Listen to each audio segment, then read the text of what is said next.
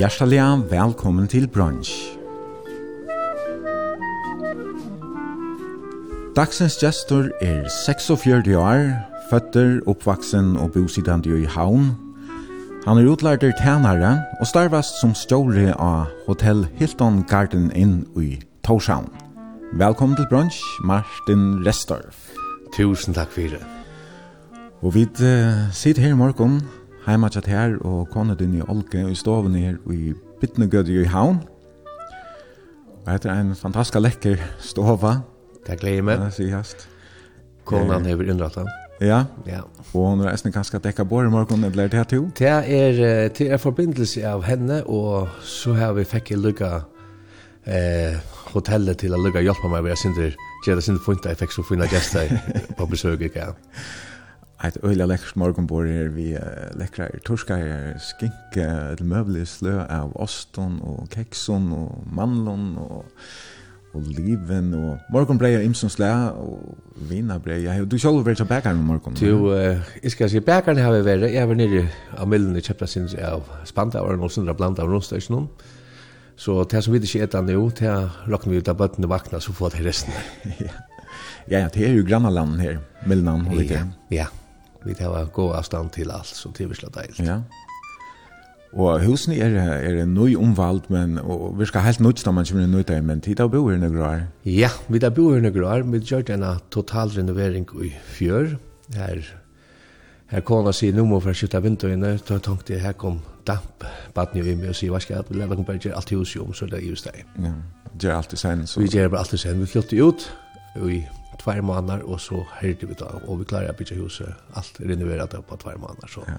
Men vi näkvar gå var hjelp. Ja. Jeg tror er ikke handverkaren är Jeg var til arbeid som jeg hinner i arbeidet, ja. her beint. Og her er simpelthen ferien etter ødlån, altså, eller kant? Her er ferien faktisk etter ødlån, ja. ja. Her er, her er hver leitning skifter ut nesten. Ja, ja. vindøye og, og... Vindøye, gulver, luft til vattskipan, man må ikke gjøre så leis, men det er utrolig kjøpt en av en luft til vattpumpe fra DMX som tog ju näcka kan ju hästen hästen tog ju. Ja.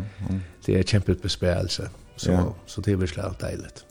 Och nu kör berg och fungerar och fungerar. Ja, ja, och så kanske är ni allt måla och allt är måla, nu kör golver, nu kör ventilation, eh nu kör låser, nu kör botter, nu kör bergvälser, matcher brott ner, byggt upp att allt huset på så uppåt när nu kör och så måla. Mm Så så det blir kjempe ja. kjempe renovering så. Ja.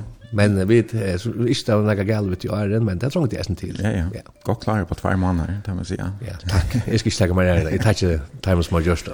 Men annars tid köpte husen till det var ikke bygd där selv ja? Nei, vi kjøpte husene i 2004. Mhm. Mm då köpte vi de husene. När er det så upprunaliga bygd? Det er bygd byggt i 3,5. Ok. Okay. Ja. Det är är det sindra seg, at det är otroligt lekkert rom vi sitter i nå. Ja. Vi sitter i stovene og det er så troi trin opp til uh, køkken og alt er oppe uh, ut i eit og det högt loftet. Det høyres ganske jön og nästan ja. det är det är som dans där det som sier, säger som sier, säger arkitekttekna hus ha det er själva som man ser sån hus i i förrum er här till 5 meter på loftet och, och luftet och dejligt. Ja. Men vi tar just här, vi tar sli också ting samman ner för att öppna huset ännu mer. Så ja. allt blir ett rum faktiskt. Så det var ganska sin mer krokot. Det var sin krokot. Det var byggt i, som man säger, först av 15, det var det ölla smarta bytja han där Mallorca-stilen som var eisen pener. Men vi valde att fjärna det och göra det mer upp. Ja. Nu kommer vi, kvart så vi nägg vi oss in och ja.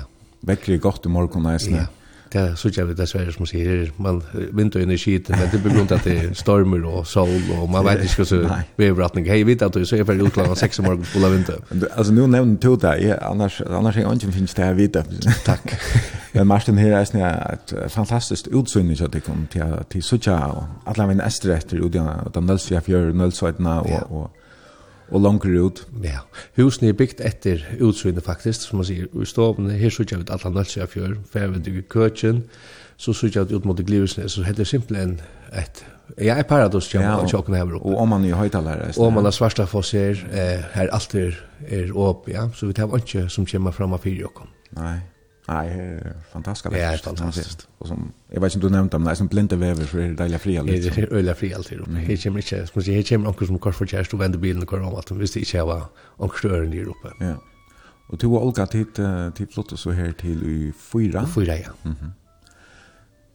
Hvordan, de, jeg vet, de blev gift, du sier ikke, det fem år siden, ja. men, men de møttes for, ja, det var så veldig lengt år enn for det. Ja, jeg kan, jeg kan ikke, ikke minnes, men det er, i råkner til nærkast enn 20 år siden vi møttes med. Ja. Så det er jeg glad for. Ja. Vi får sånt jag prata prate nek mer om livet så där uh, sett ni sentingen men, men hva er om det er mundet da du, da du flott i hjemme till før? Det var Arne.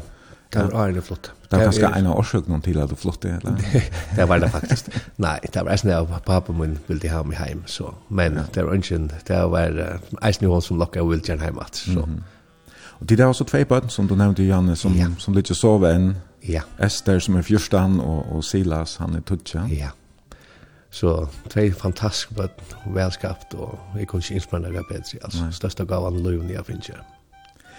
Ja, men jeg gleder meg til at vi får prate og høre nek mer om uh, løyvetjatt her. Yes. Nå kommer han til løtene, og jeg kan nesten minne av at vi uh, sendte beinleie, så det blir til til Lorstein at sendte spurninger, vimerkninger, la helsaner og sms-kipene, som er telefonnummer 22400. Eller enn bedre, skriva av Facebook-synet til bransj. Bransj stavas B-R-O-N-S-J. Og som alltid, så er det gesteren som vil tone like, og til hos og valgt, når jeg sender til sendingen i dag. Ja. Hvordan vet jeg selv om er du uh, musikalsker, spiller du noe, synker du? Eller? Nei, altså, vi har alltid haft sang i husen, papen min har alltid vært, som man sier, han er vært musikalsker, synger jeg ved kåre og sånn, jeg hadde så ikke snakk av det, jeg vet ikke gong om jeg var åttende kan til et anlegg, men jeg elsker lustet til tonelage, det har vi. Mm. Så, så jeg vet alltid hørt snakk av musikk, men vi har ikke haft som, som, som MC som Powerbase, her er til et musikkhus. Ja, nemlig, ja. Her man kommer inn, så ser man sitt klaver og beina veien, men så er vi ikke oppvoksen, men, Nei. men vi har alltid hørt musikk, ja. Men du sier pappa din, han sang i uh, Ebenezer-kåren, ja? Ja, ja, og mannskåren, og han er verre, og, og, og, og, mamma og pappa er verre. Ja. Jeg er alltid faktisk, ja. ja. Og du ikke arva sangrøttene? Jeg, har, jeg var en, en, en, en, jeg var i badnakorn i Bnesei, og jeg var en, en, en, en jeg skal i eisen i sangrøttene i Bnesei, så jeg har eisen sunn jo. Ja. Men uh, ta konan som man sier ångt ut, er halde jeg sinns orla godt, så sier man pjør pjør pyr, pyr, pyr, og til tekne på ganske alt. At det er kjørta, kjørta ratta. Ja, nei, vi skulle så ikke høre til sinns, Marco. Ja, takk. Men vi skulle høre pappa-bajta her som uh, den første, ja. MC Restorff. Ja.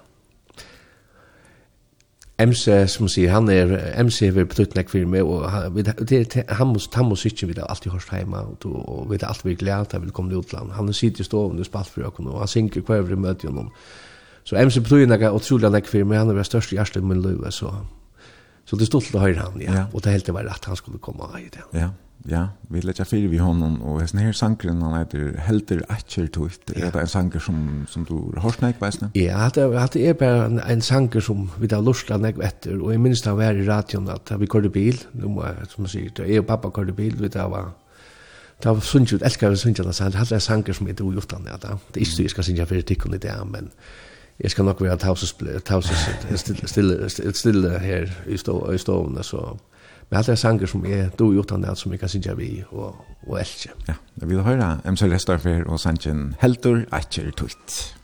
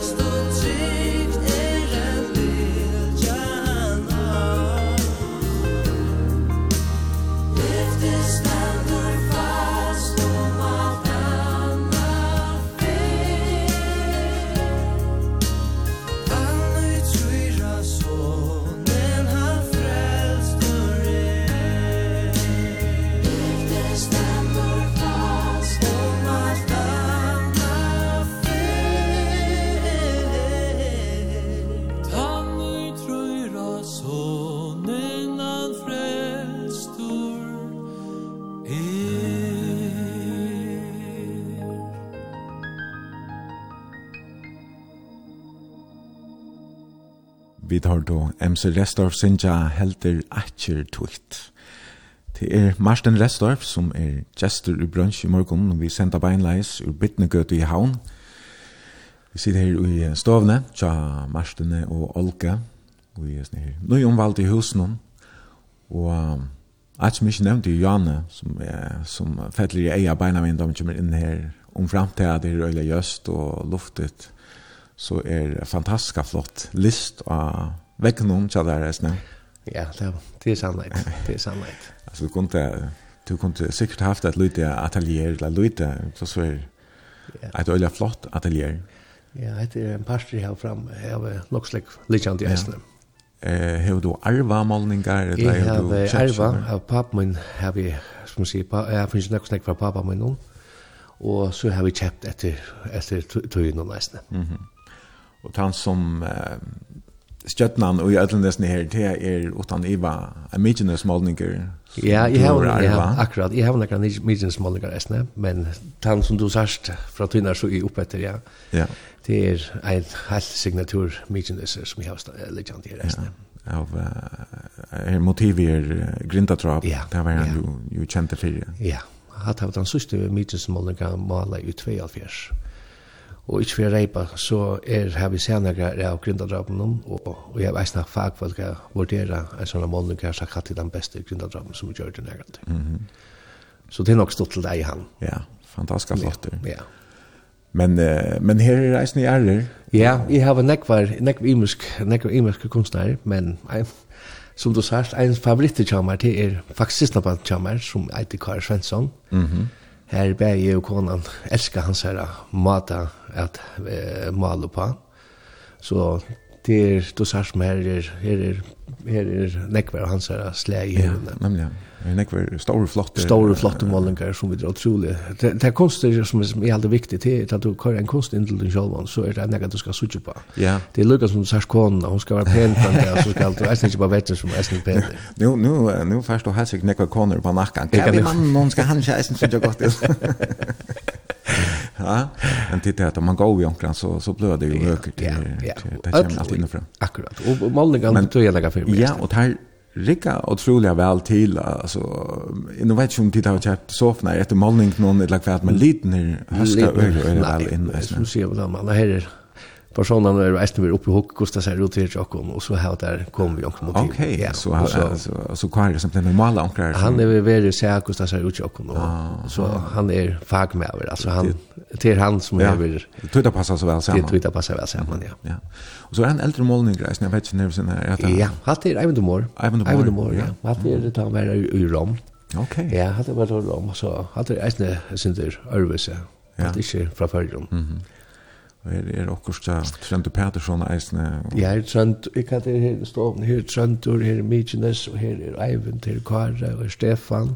Her er Benny Drevsen, her er Osla Randva, her er Hedvig, her er en blanding av alt mulig. Ja. Ja, fantastiskt flott att att så jamma blue Richland gång där så så flott list. Takk. Du nämnde Kara Svensson som är Jeg synes han baden dødt, ja, ja. så jeg her uh, lista genne, nå har du akkurat MC Restorff, han er papabadj dødt. Ja. Så her er nekk lista fast i familien. Jeg var nekk var kunstnere i familien. Mm. Jeg har bare valgt en, en æra bransje enn her, men men jeg elsker bare, som man sier, kunst og musikk, det er, det er virkelig deilig, men det er ikke noe som jeg do. Nei. Nei. Tøyne foreldre var kanskje ikke lista folk. Nei, helt ikke. Men du er så ganske arvanakere av enleggen ikke hjemme. Pappa tøyne han var jo hotellstjåre. Ja, ja. Det er alt det er lov som er. Ja. Ja, ja foreldrene satt der. Johan Restorff og, og ja, Sale. Han, ja. Han døy vel noen år siden. Ja. Og så mamma tøyne Ester, hun bor her i ja. husen. Ja, hun, hun bor her i Kjokken. Hun, hun bor i Kjallan og til er, er vi utrolig glad for det. Ja Hon er ein hjärsta, hon er en mamma, og det kommer hun alltid å være. Hun vil alltid være her for dere. Så det er selvsagt hun kommer igjen til dere og vi er hjemme ved dere. Og bøtten elsker at hun er her, og vi elsker at hun er her. Og, mm.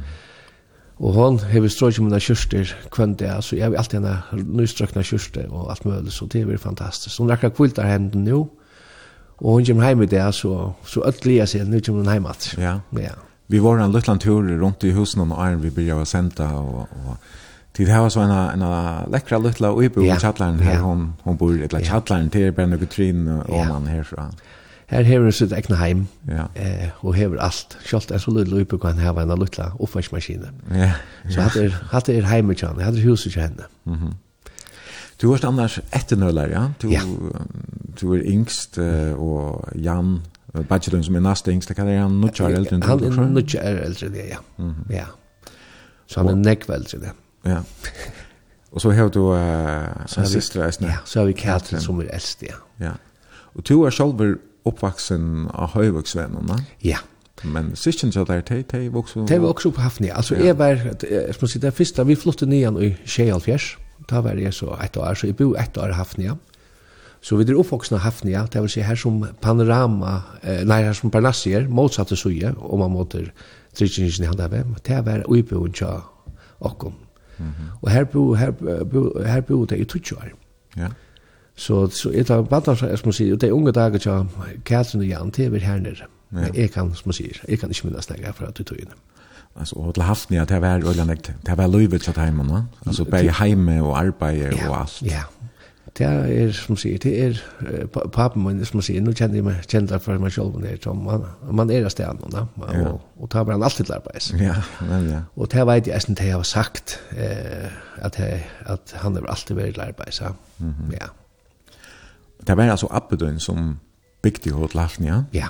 Som stod i dag? Det var stående, Appe stående i dag, og så kom så pappa, og så kom så MCV, og MT er og er mittel ems og pappa. Så det er så størst gløpp. Det er som kommer her bror. Ja, men ja. Abedun, han er Christian, Christian Dahl, Restorff. Restorff, ja. Og jeg mener at han bygde Hafni og Nujjan Rolls Russia. Ja. Og er det hva så hen en tobak, handel? Tobak, tobak, ja. Jeg minns pappa fortalte meg ølen om tobak, som, som man sier, han selger seg rett til tobak. Det, ja. det, det, det var hans investering. Jeg begynte vi opp, og at han har tatt så bygde han hotellet vi, vi tar pengar som han kjente vid tobak. Ja. Og det er allast stort til at du nevnte som akkurat inne på det. Eh, er Thomas Justinsen som eier haften i det, og vi tar et godt vinskap, så det er nok stort til jeg kom fram at ting at han tøyna. Og for en, hva er det, en vi siden, da fikk han et kassabæra doman, som hever steg tobak, som hever betalt haften igjen. Okay. og og tævel det så Thomas Stjerne her va og i halte han ever setta fram som det sköndet nere i haft. Så det är nog stottla så gärna såna söver så vi så finner några gamla bøylet og sånn, och Thomas är ödent så på fälträltens der, så det blir virkelig stottla. Mhm. Mm Johan ehm um, han han vaks så upp här i Hafni Eisne og, och för att lära i Danmark lyckas som tog själv och grejer sagt ja. Han får till Nygum Falstar og et hotell som heter Baltic. Mm -hmm. Og ja, jeg ble spyrir hva for utdannelse han hei. Så sier han, han er, jo bare han, han er utdannelsbær som konditter, kokkel, han er resepsjonist, og han hei øtt utdannelse som tok onka tog tog. Ja. Så han kunne dreipa av øtlen, han var, han var, han er bare bor på alt, men jeg vet ikke hvordan, hvordan, hvordan han klarer å gjøre det, men, men pappa var en, en, Pappa var en fantastisk eh, kokker eisne. Han sett ned tøyen av at han det selv. Mamma gjør det alltid med Og da vi hadde selv hotellet, da var det pappa som var kokker. Og han bodde jeg smakka med til. Ja. ja. Og så var, var det, altså, ja, om han og appene, de, de var jo eisne her, og hadde vaskar roi, og så hadde ja, tjattlein. Ja, nå oppe i Høyresvennen. Ja, de, de, de, de, de, de, de, Alltså tar vi flott ner från Hafnia ja. eh, och i tjej allt ner har ju så säger han här som Sigrun Bror. Ja. ja. Det är Badlandsheim i Tjamer. Och Arjen, Arjen tar vi flott ner. Tar vaska, vaska, vaska röjer till Hafnia här uppe. Ja. Så här blir allt vaska av omme munnar Maria mm. Eh så det är helt otroligt kvart. Alpa skrev. Jag tar inte mer på omstövnar att jag haft en liten chattlar där vaska allt. Ja. Och kan man höra det. Ja. Var hon eisen nere i hotellet hon, eller var hon som mest heima og ordna til? Hon var, jeg halte i høst, nu kan jeg ikke ordna minnes, hon var mye gommel ta, ta jeg, jeg kom til, men, men hon alltid var en arbeids i middelen, hon platt jeg vise meg fingrene til seg. Og så bakte det var jeg, så slit, til hon er en arbeidsomlegg. Men kvart einasta lappe, kvart einasta hankla, kvart einasta linde som kom inn av hotellet, minst hun stempla i Hotel Hafni, og hun hei er sånne brennare som tjum, tjum. Brente den i lærkene. Brente den i lærkene, som var benji for at folk var stevet, så man visste hva det hørte hjemme. Ja, nei, ja. Ja, ja, men jeg var brøyt, og, og ta hver hotellet, jeg heldt ikke alle hatten der, den nyeste hatten, hun var ja. leie ut, va? Ja, det var utleie ta den nyeste hatten, men som man sier, det var for alle haften jeg ta, haften jeg var en parster, og så kom pappa til og bygde den neste parsten, mm -hmm. sier han vi appa. Ja. Eh, og nyeste hatten her, som man sier, her som restasjonen ligger i under her, som eh Kaffe Kasper er här er, här var det var utlägg det var frisör och här var parfym för att man och det var det ja. det helt över så kan det det Lungsö det var Lungsö det var barberen i hamn ja bojament. Ja det var det ja. Og pappa, pappa var utkjalling, så lukket til det sista som man sier. Han var heim til han privat og ble klippt fra henne og ikke henne mest ja to um, ja, er som sagt etter nøllare, og det tror jeg ikke, men, men det var en, en fjordbadja reisende. Ja, som, ja.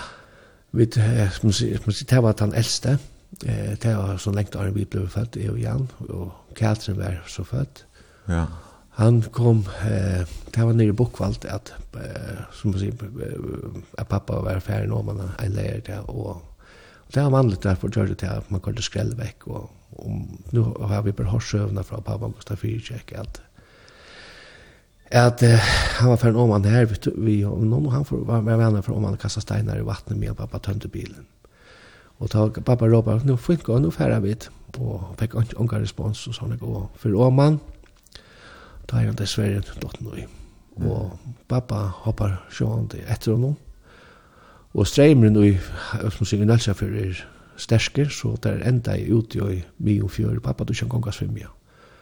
Og her kom så en bater fra Høsvik, eh, Høsvik, og så armen til pappa vera i leiser luftarbeid, og så det var utroligt at han sa en hånd kom opp her, og der drønas vi over, og Så med og tog seg med omkring som er vi, så det eneste året som pappa min spurte, kiparen da han kom ombord, er sånn om en livande, er han livet, livet eller han deier. Da sier han dessverre han er fær. Og da lukket pappa egen i atter og ble vekk selv. Og det ble så silt fullspilt inn til, til havner og hospitalet, og du bedre var evlig pappa min. Mm. Ja. Ja, så han var lukka ved å drukna selv. Han var ved å drukna sjolv, ja. Altså, hva gjør man ikke for en sånn affær ut og han var ja. man vet ikke hva man... Mm man tror ikke svimmer eller nægge, men, men men så er jeg ikke akkurat det samme. Ja. ja. Ja, og det var så den eldste badgen den eldste, ja så så tog sånn det det var hade bara en kvar en en två ja ja. Var det noe som du hørte noe om Nei, nej jeg halte ikke man vet vad så så jeg om det Det gjør man kanskje ikke näck før. men men til öland näck folk som kom til min som minnast han där inte att det hendte, ja. Ja.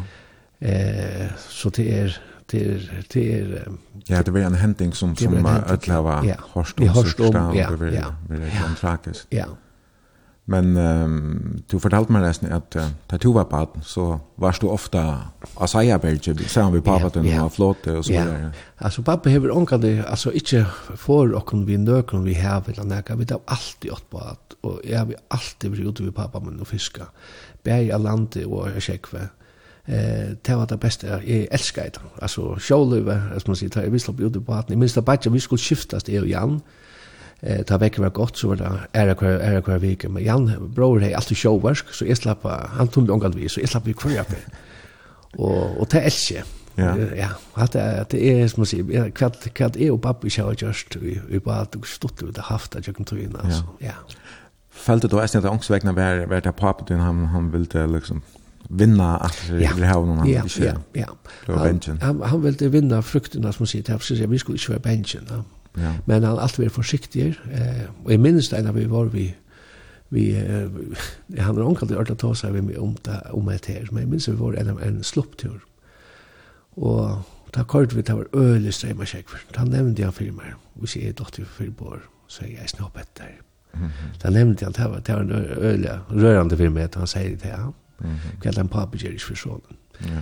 Men han har alltid vært ute ved okken, og, er, og har lært okken hvordan vi skulle være forsiktige, og, og du har vi ikke spela vi. Nei, nei, ja, det er det samme. Og til skjølt i fjøren og det. Mm -hmm.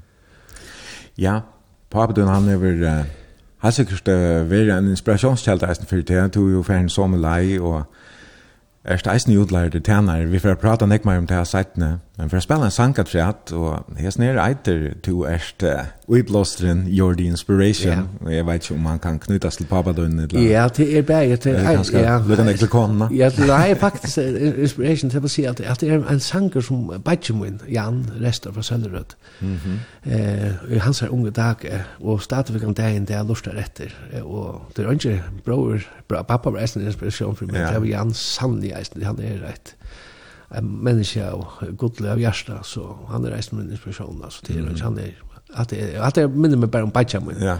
Og Bajan min, og vi drilla hver annan øljan jeg, så tenkte jeg, ah, han skal lukka, han skal lukka være vi her, guys. Ja, men jeg er veldig glad for det at jeg har det her, en av min interessant. At det er fantastisk sant, ja. Chicago, you're the inspiration.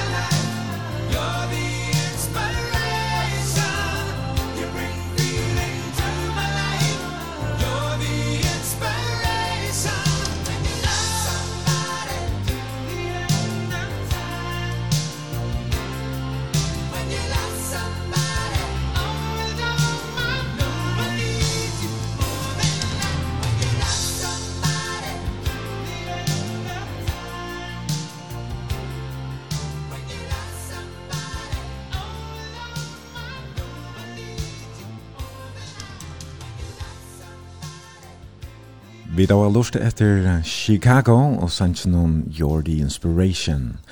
Det er Marsten Restorff som er gestor i bransj i morgen, og vi sender beinleis ur Bittnegød i Havn.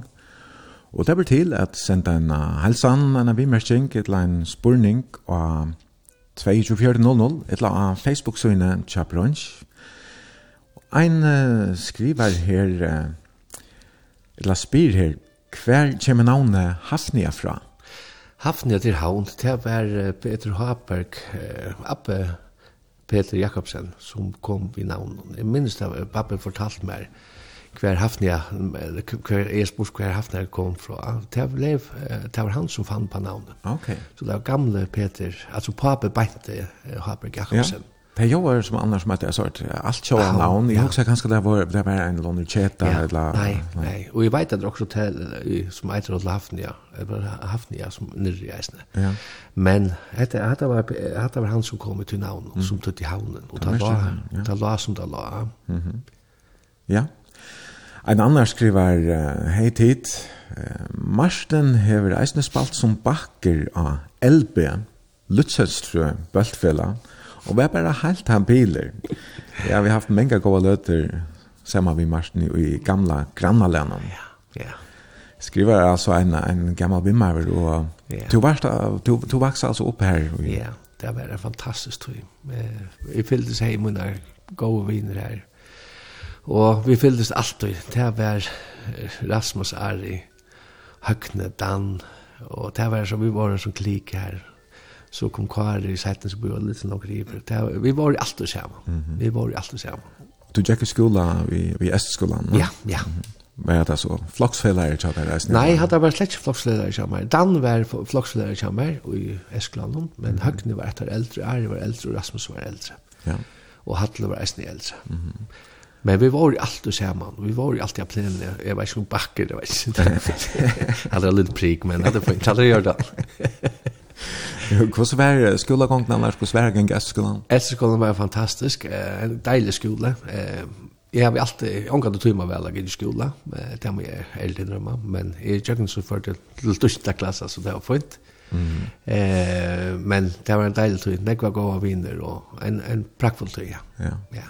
Det var en rymlig nødje skole til og her var det ja. svimjehøtt ja, ja. og, og uh. Ja, ja, det var en helt flott skole. Jeg var, man var stolt av jeg i Eskland. Det var, det var helt, helt store. Mm -hmm. Og hette jo egne plene på en sønner og deil, så det var, ja, det var ordentlig fint. Ja, nå nevnte jeg sånn her... Uh, gamle vimmeren satt her, at du var bakker her av LB, men hvordan vi utrådte annars? Ja, ut her, jeg har ikke vært stor, stor utdratter av maveren, men uh, Michael Thomasen, en klasse uh, som er, som er stedet med maver, han uh, lokka meg å spille badminton, han lokka meg å spille fotboll, uh, og han var, han var, ja, Michael Thomasen, han, ja, ja, han, jo, alt, alt kjenner han. Han er venner til Han er venner til, og hever alltid vært best til alle utdratt. Uh, han, var, han var bare en som kom til alt. Uh, Så han lockade mig att spela eh, fotboll och han var uh, all in och jag började spela och jag kom ångan då var en sel in och det var det ringaste han som är Så tänkte jag, nej, här kommer jag svårare. Men han lockade, lockade mig så att spela badminton. Ja. Så, så, så det gick, här gick det gott. Här var det, som säger, han, han bollen tog jag att spela vid. Og jeg spiller stadigvæk det er kvann torsdag sammen vi All Boys, vi er fyra som møtes, vi spiller doppel kvann torskveld. Så det är ordentligt hundaligt. Men Mitchell lockade mig så att spela badminton. og her ble vi faktiskt... Det heter Reina Reip, men ja. jeg ble faktisk førjermestare. Ok, og i doppel? I bæg i single og doppel. Ok, ja, jeg ja. single, så du, du vann iver uh, Mitchell, eisen, snill, Ja, Ja, Mitchell har då. så jeg vann iver Mitchell, Mitchell som bæg med å komme og spille, vann, i, vann iver, mm og så spalte vi et doppel sammen her i eisen og førjermestare. Ok. Men det er 12-14 år, så det ja, er nekvar så igjen, og nekvar kilo så igjen. Annars vet jag att du, du hjälpte jag snäck till nu och hotell någon. Det var att familjen var, var reisning här. Nej, jag har haft ja, allt ja. alltså haft jag har haft det vid hemma jag Eh vi hjälpte till eh lugga mig kvärt. Jag ville söka pappa men jag kan pappa men jag vill alltid här för mig. Lugga mig kvärt. Och det var bara så fint sagt det igen så får man haft det. Ja. Eh det var hvis jag skulle be om lommapengar så och mamma ikke fikk svært mamma mamma fick eh skulle hon är världens deiligste fittaste människa och man skulle bara säga mamma kan jag få kan jag få en tuschkonsel så fick jag en tuschkonsel för om alla pappa men och skulle spela om att köpa ett annat så skulle jag då vaska tun eller köra skräll eller lira vaska ett annat men han men skulle vi vara så här vi pappa kanske får man om man haft det eller gå och säga hej och och man blir förkällad över det som man säger så det var ofta här man får på att man skulle ja det var fullständigt naturligt. Det var fullständigt naturligt. Mm. Vi männer och allt. Vi var ju att det hade varit hemma jag kom. Ja. Ja, att det var ockara. Och familjen chatte det till Jinkenek vi Ebenezer ja. Jack to Eisen Scholl ja, som Ja, ja. Eh kristendomen har alltid fyllt fyllt och kon allt och alla liv. Här har vi alltid hört om om om Jesus baba och god allt och alla liv så det är från från vi då jag gänga har vi alltid blivit från våra betyg glädje och skapande. Ja. Mhm. Och det är fantastiskt för oss. Ja. Så det var bæge sundagsskole og ungdomsmøter. Ungdomsmøter og serepta og, og alt, ja. Her er, som man sier, her er ikke, her er vidt, som man sier, vi er jo alt at. Ja. Nu nevnte vi det, at jeg tog og papen ofta var ute og silte og, eller var flåte og du fiska og sajaberg og så videre. Jeg vet ikke om det var en henting her tog og jeg med meg var Rein Godsen, hadde det vært? Å, godt, ja. Det passer. Tid for vi en Uh, Ja. En en liten jolle til uh, Moax. Ja, vi får vi en jolle. Eh, jag har alltid älskat mig ute i fjärden. Jag älskar det som säger. Vi har en liten jolle jag har sett uh, Loin och allt möjligt rida upp i hånd. och jag får inte bäg kalva och jag har inte nekva fisk. Og en dag så var vekker så fantastisk, vi får ut glæger i regn godse, vi var så relan eksamen i regn, og vi var på eilega pillbytter til tøyer, Men dette var en bytt, en byttegjerning vi gjør det. Vi får ut og får fjøren av fiska. Så snakket jeg da, det her var leve og reptal, og det her var forskjellige vimmen her. Det var stått til ferien til å vekke så godt. Og vi var ble og ikke en liten jolla, en liten paringsmotor på 15 hester, at han fyrer. Nei, vi færre. Så vi får av sted, og, og får, som sier, Vesterom, og da vi kommer i Vesterom, så er altan som vi står og ilver vestanfyr, det er helt andre rett og her var ikke å gjøre. Det var endelig, det var, vi kunne ikke vente vi at det, det stod råd at han fyr okkon. Men vi så vi moa, så tenkte vi, hva skal vi færhanda med, og vi skulle klare jøkken. Jeg minns vi surfa i jøkken altnar, vi orska ikke, han orska ikke at sette opp jøkken altnar. Mm. Så vi måtte surfa etter, etter altnar for å slippe enda veien. Og pappa, sjåan, han, han var løs, som man sier, nå hører det at han og at vi er pura, fullspitt, og, og vi talte at det finnes, så benken var heldig, men regn var bensin. Regn var øyla bensin, men vi kom så til Movax, og, og finnes akkurat etter akkurat, og kart akkurat til seg repta. Og jeg minnes bare at jeg ringte til pappa, så sier vi, så sier jeg, hei pappa, bare er ditt, jeg sier vi til seg repta, Han var pura fri, så sier seg retta igjen. Og hver badre, han ligger mua i sig. Tid færa onga ved siden. Jeg sendte en lastbil etter eh, jollene, og de kom heim. Han var ikke over, han var bare bestemt der, og jeg hørte ikke så skuffet han var med av meg eller jeg det så, så jeg var så skuidbytter affær utan å sia, utan hitje etter veveren om og gosse streimer for å være til neka. Og alt det her lærte jeg meg så at han var gosse streimer var i fjøren og gosse skulle hitje og alt det her. Så, så at jeg gav totalt, men som man sier, Det er en som er, en som helt i handen i rocken. Det har vi til ferien tjøkna atlan av bultro ta fjøren her, Mm. Eller luttla jolle, pura skuidbutter. Ja, men hadde jeg, det er ikke typisk da man er unger og butter og bare hoksar om, eit, vi vil jeg sleppa. Vi vil jeg sleppa disse Ja. Det er kjever, det er onka onka meining. Så så så här la på att och här kommer en lastbil rätt någon. Kan vi kan vi ta kom blöd över där så detta Vi var vi var nej vi får hemma från kvällen. Det var det som säger. Och jag var öyla bensin, jag måste vara var bensin att möta pappa med någon. Jag var öyla bensin. Men det rockte vi att mamma hever lukka sagt till man säger mamma är så beskyttande alla kan inte kväll man ger så är hon alltid för en så rockte vi hon över sista pappa sin dyr och när man kom hem. Mm. Jeg minnes da jeg kom heim, jeg var han bare kom inn i stoven, og så sier jeg, men hatt jeg du ikke atter. Så sier jeg bare, nei pappa, at det gjør jeg alt atter. Det var det eneste han sier. Og han har omgående sagt noe om han hadde gjort det, utan han har sett nye ærene med oss grinet til henne. Det er så ofte han har fortalt det, sjåmånen og hva sånne sånne han sier gjørst. Ja, han godt har spalt vel, ja. Ja, det er bedre, det er bedre. Ja, Men annars att du så var lever i tusen av lätje först och så att lafnia på. Ja, så för ja, ja, altså, alltså hotellbranschen har alltid sagt några för mig och tog 60 man uppvuxen igen. Och ja, ta i väl lever skolan så får lycka man haft en pappa men lycka komma man att pröva olika imsting. Kus allt för att vara och vad det är kan kan vi skulle jag skulle färda. Mhm. Och jag var så pröva olika och jag valde jag skulle färda ner eller kock. Ja. Så jeg får nere lære til kokk nere. Mm -hmm. Jeg hadde vi skulle kanskje teka en sang at og en færre vågjere i, i praten om, og du har valgt eisne at vi skulle høre Toto, Hold the line. Er hetta eisini ein sum Jan Batchen lat jeg spela det. Hat er Benjamin. Hat er altså sjá vad man tar man switchen i vi har det så var Benjamin. Ja. Han har ett anlägg i minst han er 120 watt höjdalar och såna grejer. Jag har angått åtta anlägg och det har vi så i det och det på telefon så kan ju väl höjdalar men jag har angått i minst kost näck vad kan jag på. Han arbetar så jott och flöver och han har alt det. Ja. Så att det var ett storbite. Ja, men uh, vi, vi har vi slår etter eisen i en, en ordentlig god forsøk slager, ja. Ja. Og så kan du lukke med nå eisen i at det er altså 2400, et la Facebook-søgne til brunch. Du kan sende en halsan, en spurning eller en vimmersing til Martin Restorff. Vi vender etter om et lydebil. Hette Toton, Hold the Line.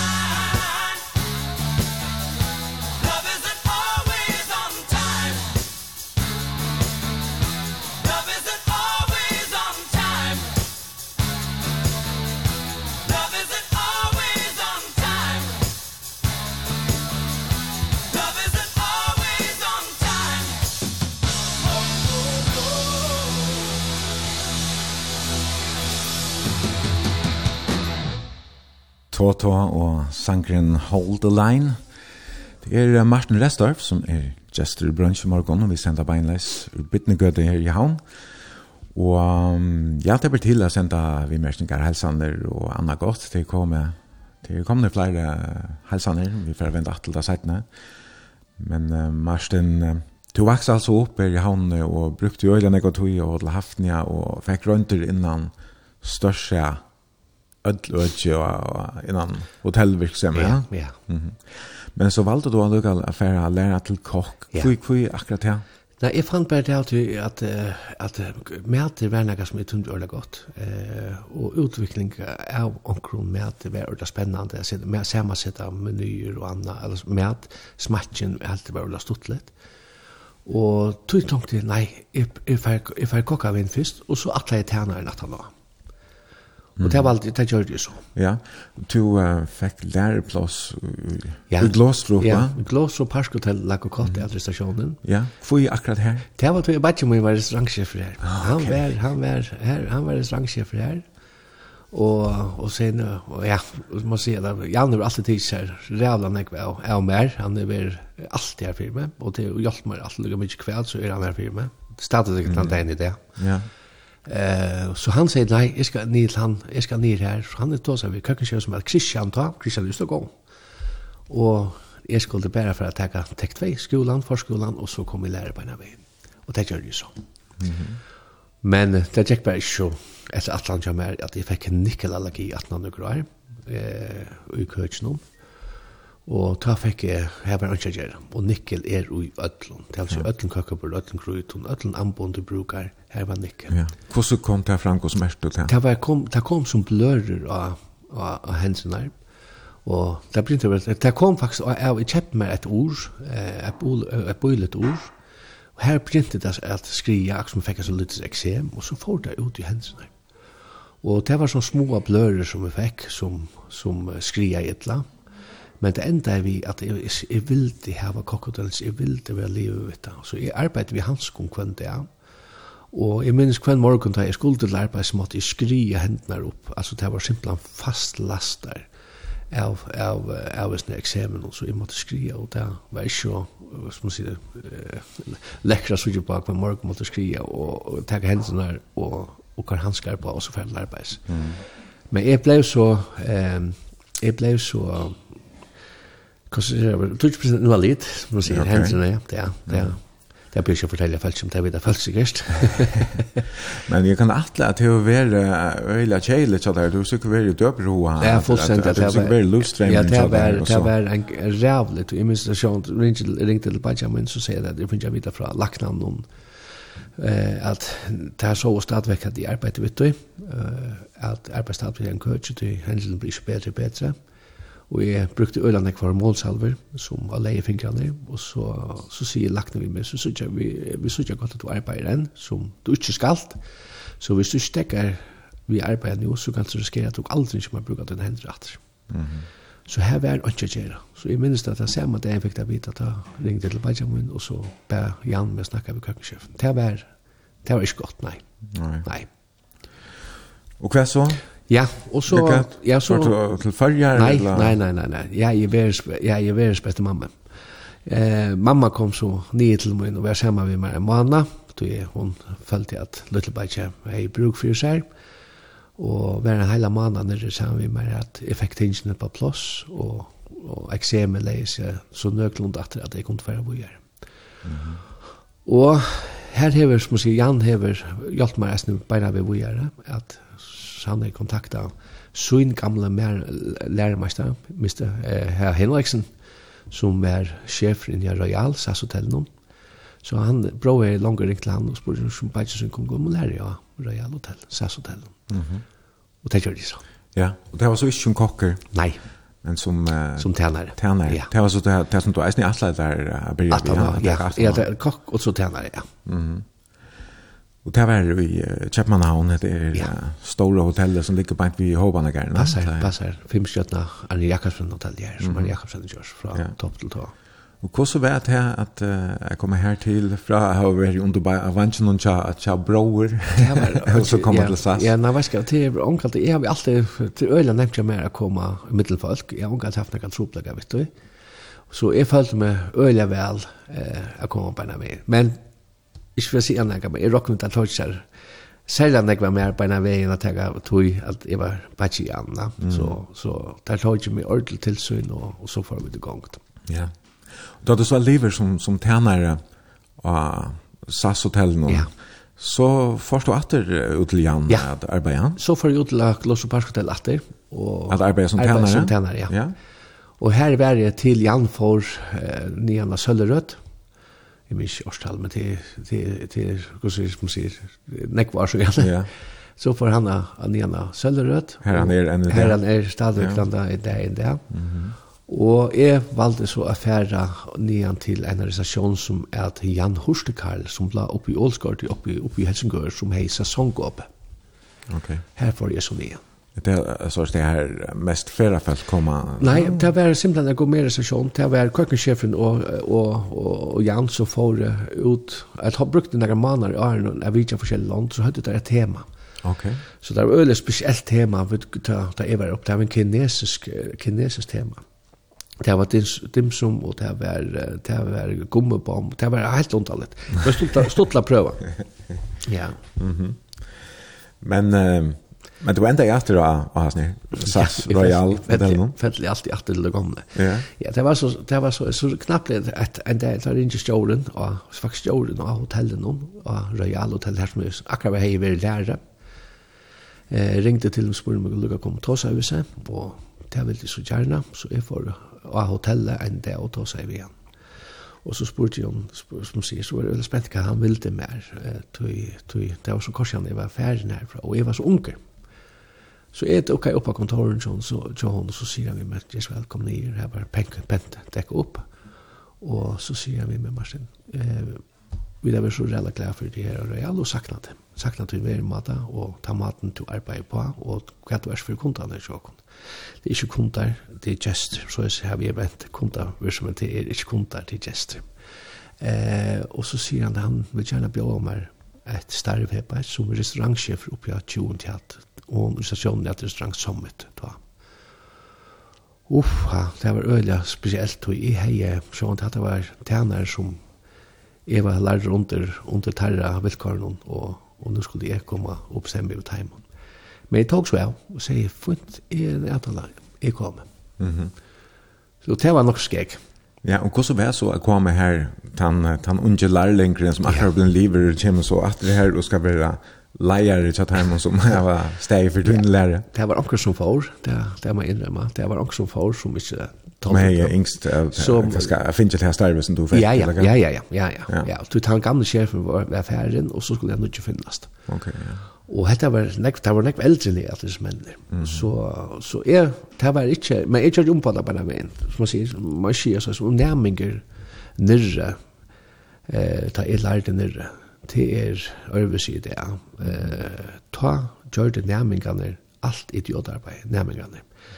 Vi stod på seg gløs, lengt ut av notten da, vi stod på seg bestikk, og her tjenerne sett seg at han fyrir, her kokkene gjørst han spesialmenu til her, som der åte, ta alt var lite gestrum og farne. Men her vi skulle dekka alle restasjonen natt om kveld og pusse ødel, 200 gløsene og æren, vi slapp heim, og så da vi var litt så kikket vi inn i biblioteket, her var det her, her sjåte, så sett vi god nett, alt er ferdigt, og så søtta bare god natt, vi ses morgen. Hatt det var livet va. Men det brøtte jeg da jeg kom. Ja. Ja. Og, så sett du öll att göra det samma eller vad? Ja, ja, men jeg er oppvoksen til at det er öliga viktig, det bruker jeg snøy den dagen i det, at vi öll vi öll hjälpa til at her er til bruk for det. Ja. vet du är som du är last för pappa. Ja, ja, ja. Ja, at man tenker fatt her här det nödvändigt. Det er det där. Så er, det enda er vi at, at nærmengene som var det tar Her står jeg og hjelper til å seg glas som sjefer og tænerne, og det er alltid det. Hvis jeg kan gjøre det, så kan jeg gjøre det. Og så er det det vi alle tøyene. Mm. Ja. Så nu, nu, da jeg var her, ta, ta så det nærmengene sammen vi og kunne snakke om kveld, kveld, kveldtjekk, og hva selte vi, og hva kunne vi gjort øvelse, hva for vinn valgte vi til, hva valgte man til å vinne til, og nu blir det kanskje interessant, og nærmengene fikk det på sjurreisene. Mm -hmm. Du møtte så eisne nekvån spennende folk, altså Geston, ja. eh, og hotellen, ja. altså Røya Sass Hotellet. Ja, det er så sikkert. Og ja, du fortalte mer med landa enn søve, her du møtte jeg noen indisk kompere og medstående. Ja, ja det er fortellet til søvn, hun er faktisk øyelig god, at um, Det var ett ett ett par som var kom här vid fyra bötten och som såg det här huggas här. Kom manna morgon minns det och det kom upp åt morgon med så så fitt där. Och så var det fyra bötten alltså tvär tvär damer tvär tvär tvär gent och tvär ranger men tillkomna nästan det såg jag till. Og jeg var ordentlig helt det var fantastisk at jeg var kommet her på et og, og, og Danmarskar og, og seg. Jeg trodde det var en, en familie som jeg sett seg sammanlägga pengar samman. Nu skulle det virkelig sutja Danmark hos det var. Det, det var så totalt jeg avslappet, ikke, som man sier, det er ikke lengt for at jeg ikke jogger buksen nesten. Og, og jeg fikk så godt forhold med det, beina veien, og snakket med det, det var fantastisk og blod, og, og, og jeg begynte å fortelle sin om førjer og annet. Så dagen etter langt, så begynte så var jeg ikke arbeids. Da ringte sjefen meg her og ber meg suggesten som du var sammen med, som du tog seg så vel ved. Det er spørst om du ikke kan komme inn og ta seg vet i at Det vil jeg gjerne ta seg vet i bjør der til morgenmeld. Jeg sier, Mr. Ørta, men det er jeg kan sitte sammen med gjesten, og så vil jeg gjerne. Så jeg tok, jeg må si, jeg tok tog inn og, og beina veien. Det tok meg ikke lenger tog, og så satt jeg her og at han Og jeg fortalte, jeg fikk brosjurer fra pappa min om haften, jeg fortalte om følger, og jeg følte meg som en stor kanon av pappa min natt hotell i havn, og mm. det var ordentlig wow.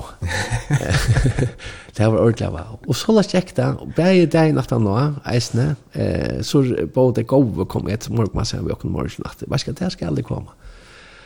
Og høstdagen eh, heier så fru, eh, heier så fru, eh, ta ta var ett arbeids. Nei, om skilda om at jeg har fri mig det er så både med kommentar hashtag var et arbeids. Så da jeg får et arbeids etter den han hashtag ta hade du packa en gåva in till min og det var pakket inn, og, og jeg viser på og jeg var sjående for det her burde det ikke gjørst og, og jeg gav dem beskyrer fra hafnia og jeg får en gaver fra Taimon og jeg var sånn det det så jeg får etter om og i køkken og pakket etter pakken opp som konan gav meg Og ta i feiegang så sier mævren at han at Mr. Nathan. Han sier vi med Marsten, jeg har et akvisittkors til Marui, og jeg skriver okkara personlige telefonnummer i. Og ring i gåvar til, og kom, du er alltid velkommen, du er, du er fantastisk, så du, er, du hører til familien, sier han. Tusen takk for, og jeg sier lykka mat jeg er her, og hva er det vi slutt vi sovest, ja. Vi ring i gåvar til, du er en saune med ok. Og så måtte blev øyla forvitten til i høyre etter. Så jeg får etter om og denne pakkan opp, og hytja etter korsen og pakka opp, her liker en jåsa stelje, og så liker jeg etter kors til her som han skriva et telefonnummer, og så får jeg lese det greinlig, og så sier da er det presidenten i Singapore. Å nei, hun sier bare, dette var rævlet det er kjekka løyde det skulle lykka summa med at jeg har simpelthen som man sier, klappa det eller ryggen og som man sier, hver jeg er, glæver og, og som maten som jeg er på. Og jeg får så inn, da sutsi jeg at han ser at jeg har pakka pakkan opp. Så sier jeg meg, men Marsen ikke, ikke forandre det, jeg sutsi til å lise kvartre og vær som du verst. Så sier jeg, ja, takk for det, men, det, men jeg er møte at jeg var vil klare det var president i Singapore, så det var virkelig stått til at helse på at det kom ikke brøyda til sier. Nei, det skal nok ikke. Så spyr jeg, og bøttene ikke at det kom? Nei, jeg hadde ikke bøttene ikke, jeg hadde alt bodyguards. så det var nok så skjeg. Ja. Og, og her funnet jeg et godt, et godt uh, kameralskap faktisk. Mm -hmm. ja, her vi snakket sammen, vi sendte gaver til hver annan og annan. Ja. Og så var det et tøyspunkt her, um här sista baden så där skulle yeah. ha en en lista framsynningar. En framsynningar i Karl Svensson. Det var det var faktiskt pappa som fortalte mig det att Karl skulle ha en framsynning i Singapore. Och är det inte så till presidenten säger att det sista man jammar ska ha en framsynning i Singapore. Och visst då möjliga affärer till vi visst stått till för. Og nei, han, hva skal han er i fullt program, så det la ikke fyrir som. Men så tjekk det knappt, så rins i telefonen, tar det Kari Svensson, så spurte han, Martin, hva er du i Holtvi, sier han vi med. Så sier jeg, hvor Nei, du er akkurat ved vaktarfolk, og vi er med stongt atelier i morgen fra 12 til 12. Da skal alt lukkast. Du er presidenten kommer hyggelig etter kunsten. Og, og så dagen etter, ta var den, så var altså, nå har jeg bare søvna fra Kari, at ta var alle gøtene stongt, her så, her så menn utenfor vi vi som sier, og passa på at heil, og presidenten kom og hukte etter, etter kunsten og kvar. Mm. Så, så jeg skulle alltid kannas Jeg skulle alltid kannas bære, vi bære, vi hunden, och jag vet inte vad jeg hva jeg om. Så det var nog stått lite.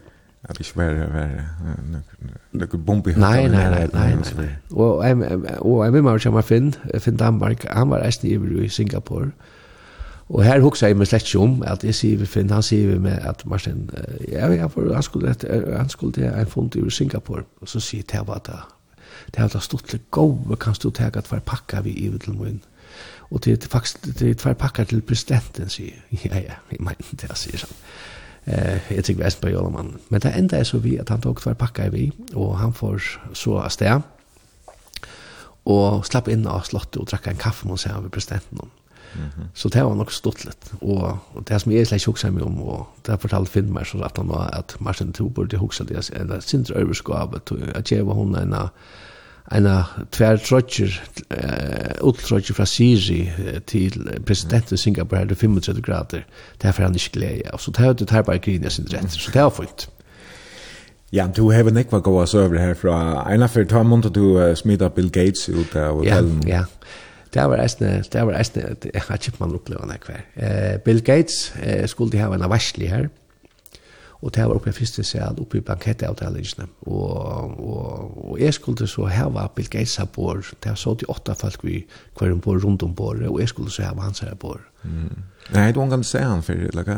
Nei, det var, altså, jeg må si, man sier, nei, jeg ikke ser han, og jeg vant da han, da han kom, så var det en vi godringen, og diamant oppi høtten, og, og mm. allt möjligt så och och fältet som var fältet var komma det var ju galla kjolum det finaste og det glitra i alt vi vi vi gymstein og i det heila og men nu kommer det med over oppsøkken trappen her og jeg suttet av så er er er er det i vil mot om han og sier dessverre heter privatfest mm. hva så han ut? han var han var ju kvick øyla och han er han er blå klatten t-shirt och kova byxor och kvita skrekvar ja. Jag kom du skrekvar Det var ordentlig casual. Ordentlig casual, ja. Og henne var ut som millioningar.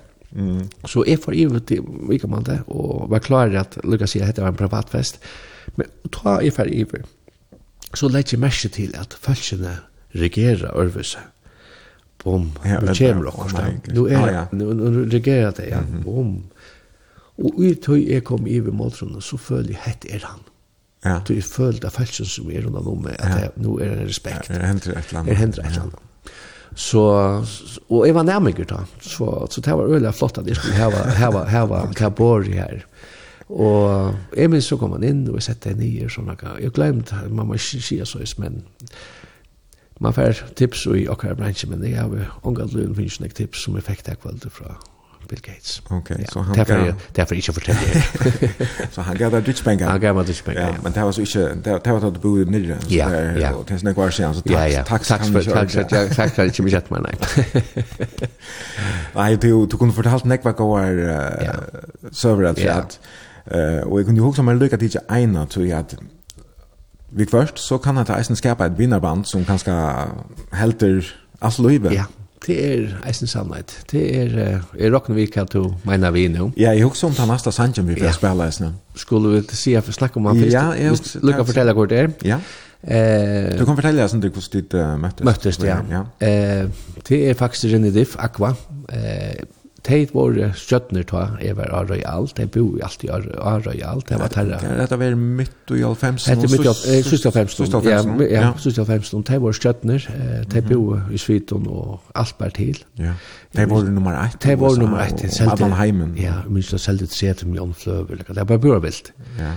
Og her kom, jeg minns det Gustav her, her kom folk inn ved klævån og garderoben, og der skulle velge seg hva det er til hod til, det var øyla størst. Ja Så og det var det, det var det fyra som man fikk et ikke vinaskap ta, men det var gestre og hotell noen og man kjente på en annan vid navnet til det var sånn jeg kvar. Mm. Og sjalten de bor faktisk, som er de bor i København og eller vi kjente om om om de bor i Rødt over Ja, ja, det bor det bor i København, men det var bare at, at de var sånn eksamen, det var en familie og Så det är rätt att det är inkvarterat simpelt än allt det här. Ja det var hjemme til dem. Så, så det her jeg lærte René og fikk av vinskap i henne nesten. Ja, men det var sånn noen år siden så møtte du en til to som var flottet til ferger etter det? Ja, det var i 2000 og faktisk 2002.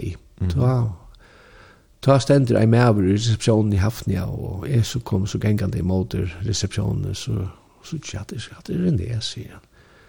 Så jeg fer i til han så sier jeg ikke i hånden av, av skolen. Så sier jeg, så siger jeg, goddag René, og hjertelig velkommen til ferien, og siger så. Så kigger han på mig, Martin, hvad laver du her, siger han så.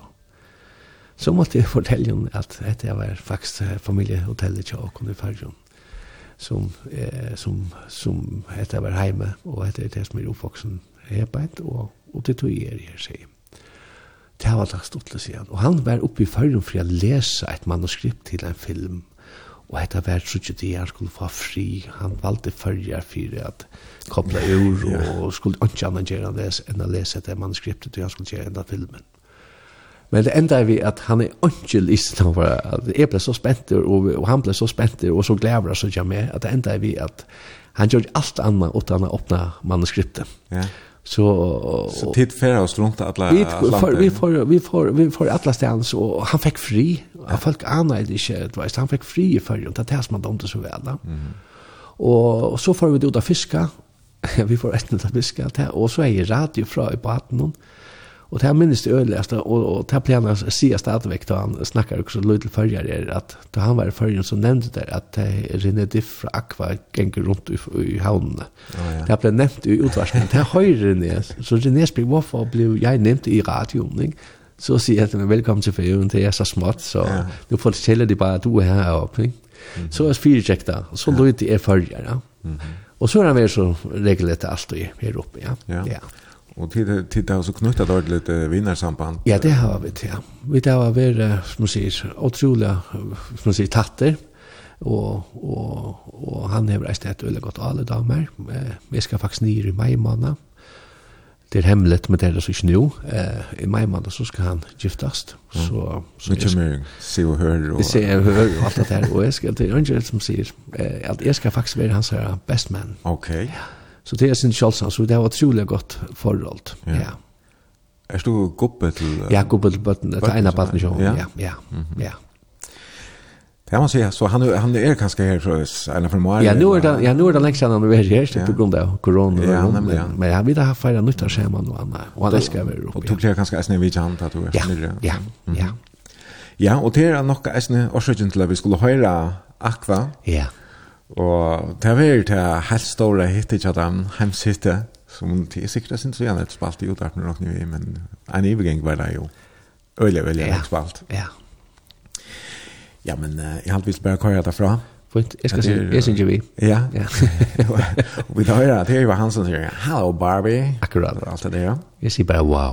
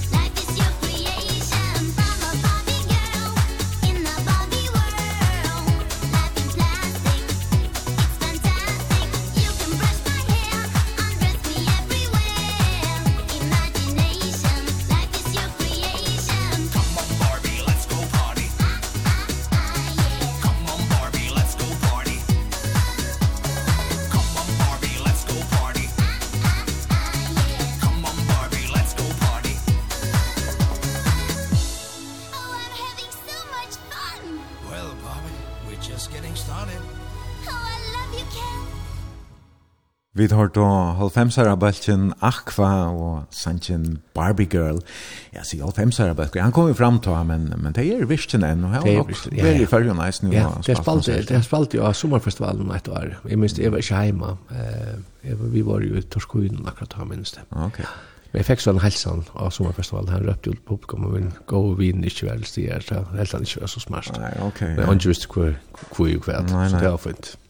Ja, ja, hette er altså sendingen brunch, gestur i morgen er uh, Martin Restorff, og vi sender beinleis ur Bittnegøte og i Havn, og ja, nu blir huset jeg vakna så smått, ja. Bøtten er kommet opp eisne, og ja, vi tar eisne sitter her i Marna en tøyma nu og prata, og her var nekv godt etter, og her komna er nekvar halsaner, og vi mersinger og spurningar komna eisne av SMS-kipan 22400, Flere av oss skriver av Facebook-synet til Brunch, B-R-O-N-S-J, stavast Brunch. Men eh, er vi for at eh, hittar nærhet tog, så kunne jeg huske meg at hos til å gjøre om, om eh, ikke sleiene til der. Ja. To, um, varst så nøkker år av Royal SAS Hotel nå i Kjøpmannhavn. Ja. Og det har vært, som du sier, en fantastisk tog, en lærerik tog.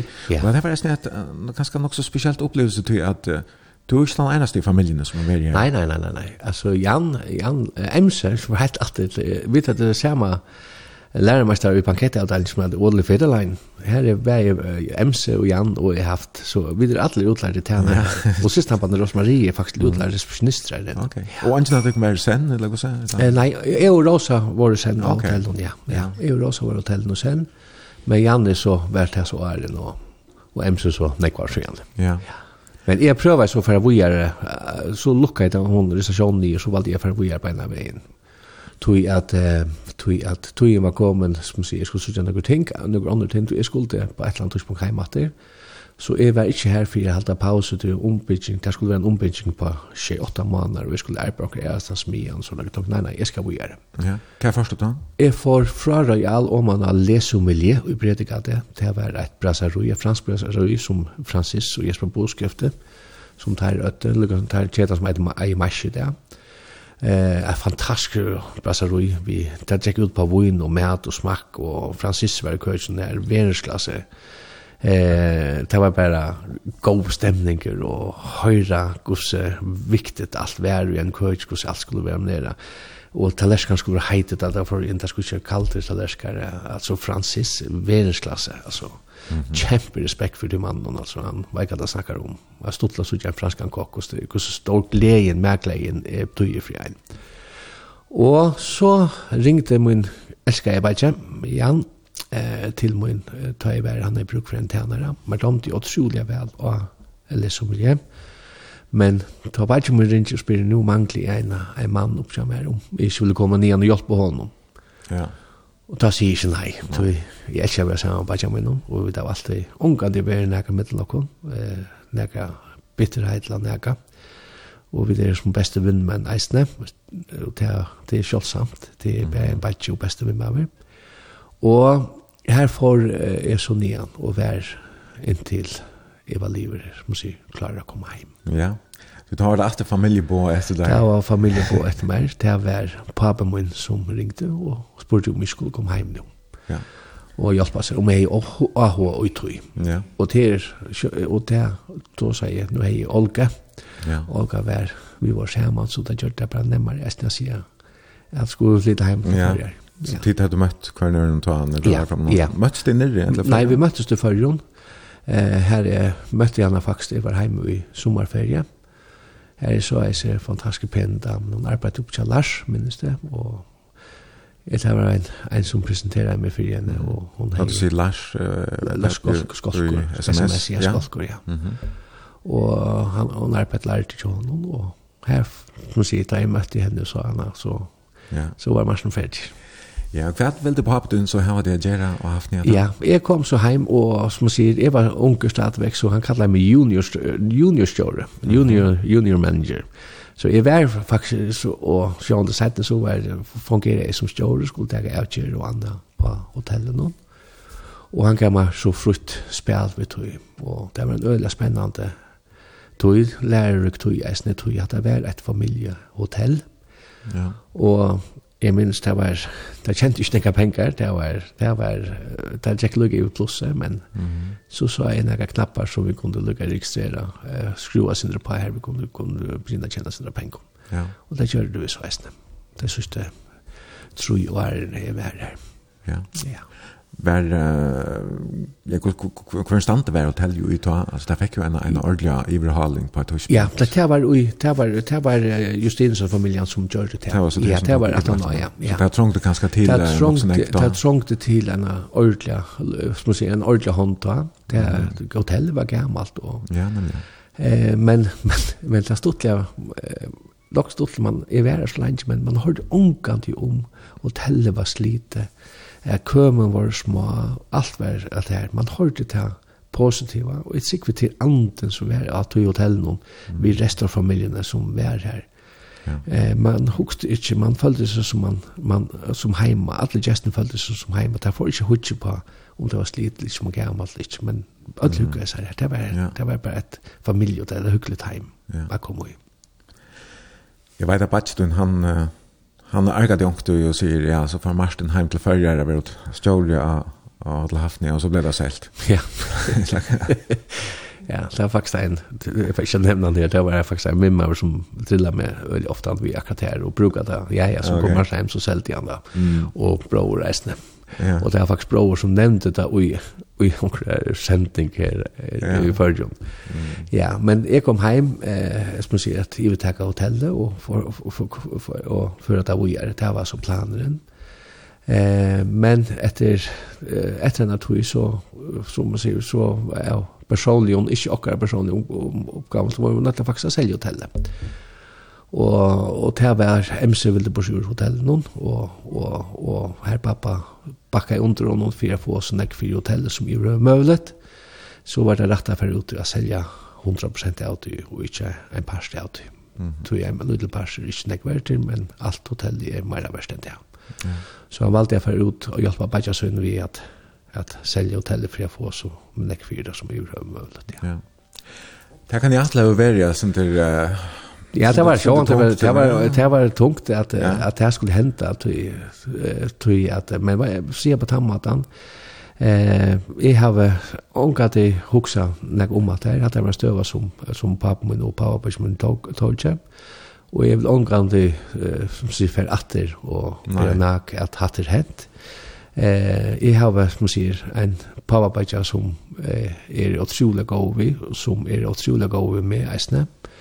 Så jeg kan ikke si at jeg ringt. Vi tar var Gjerstad for hvor det lukker mye kveld. Og han er, og han er alltid fra stolen med eisen, tann det ene det. Nu då så finns det ett annat hotell här jag kan eisen. Så. Ja, ja, så det är det. det, är det.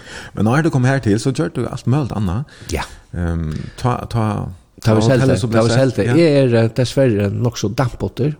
Eh, det må henda nok så kjøtt ting på denne veien. Mm Så tar vi selv det, så får jeg ut fiska i nekv, altså var nekv ut jo i fjøren om fiska i. Jeg fikk en adille som var hemmere, mm -hmm. og var brukt øyla nekva tog til det, og fiska jeg faktisk, fengar jeg fyr hemmere sammen med vimman kjammer. Så, så ja. jeg har vært hemmere vei, og finnes mm -hmm. nekva oppe i baden kjammer, så det var stort lett.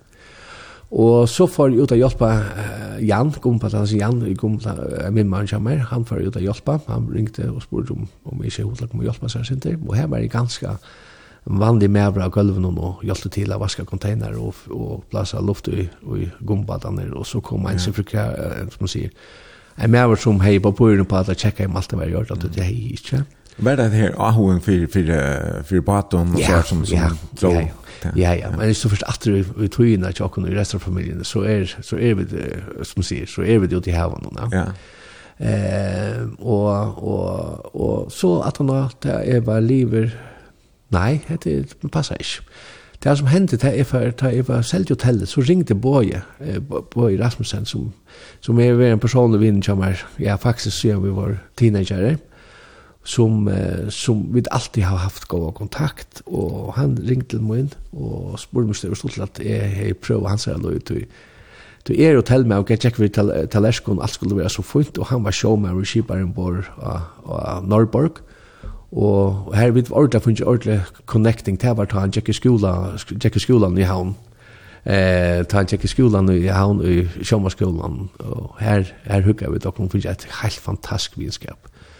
Så han bæði meg koma vi. nu skal Martin, nu skal du uppleva hva dette heter her som jeg snakker om, og hva du, hva du er venn med å gjøre. Så jeg får ombord, og med en sikta skal jeg får ombord av Norrborg. Og på Norrborg var jeg inn, hun leie om til eh, eh ta pumpa eh pumpa tank og tankaskip akkurat og lata um til fabrik.